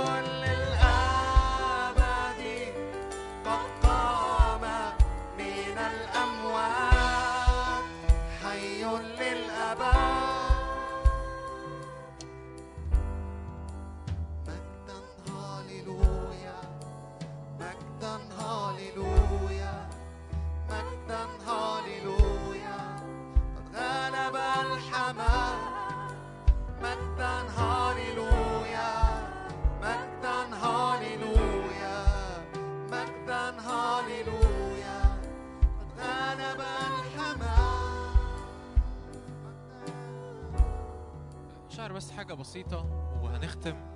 بس شعر إنه في ناس هنا فقد الشركة مع الرب بقالها فترة طويلة ولسه لحد اللحظة دي وإحنا في الاجتماع هي لسه حاسة إن هي مفصولة عن الرب. ببساطة كده ارفع قلبك للرب وبص على الصليب اللي ملهوش أي علاقة باستحقاقك ولا بشطارتك ولا بحلاوتك ولا بسواد عيونك ولا بإنك كويس ولا مش كويس ملوش أي علاقة. قول يا رب أشكرك لأن دمك يطهرني بالكامل. أنا برجع يا رب للمكان اللي فيه بتوب عن كل خطية وكل بعد. وكل وقت يا رب كنت عايش فيه بعيد. كل وقت يا رب عشت فيه بطريقتي وبأسلوبي وبمزاجي. أنا بتوب عن ده. وبرجع تاني يا رب عند المكان الأول مكان الالتقاء الأساسي مع الرب الصليب.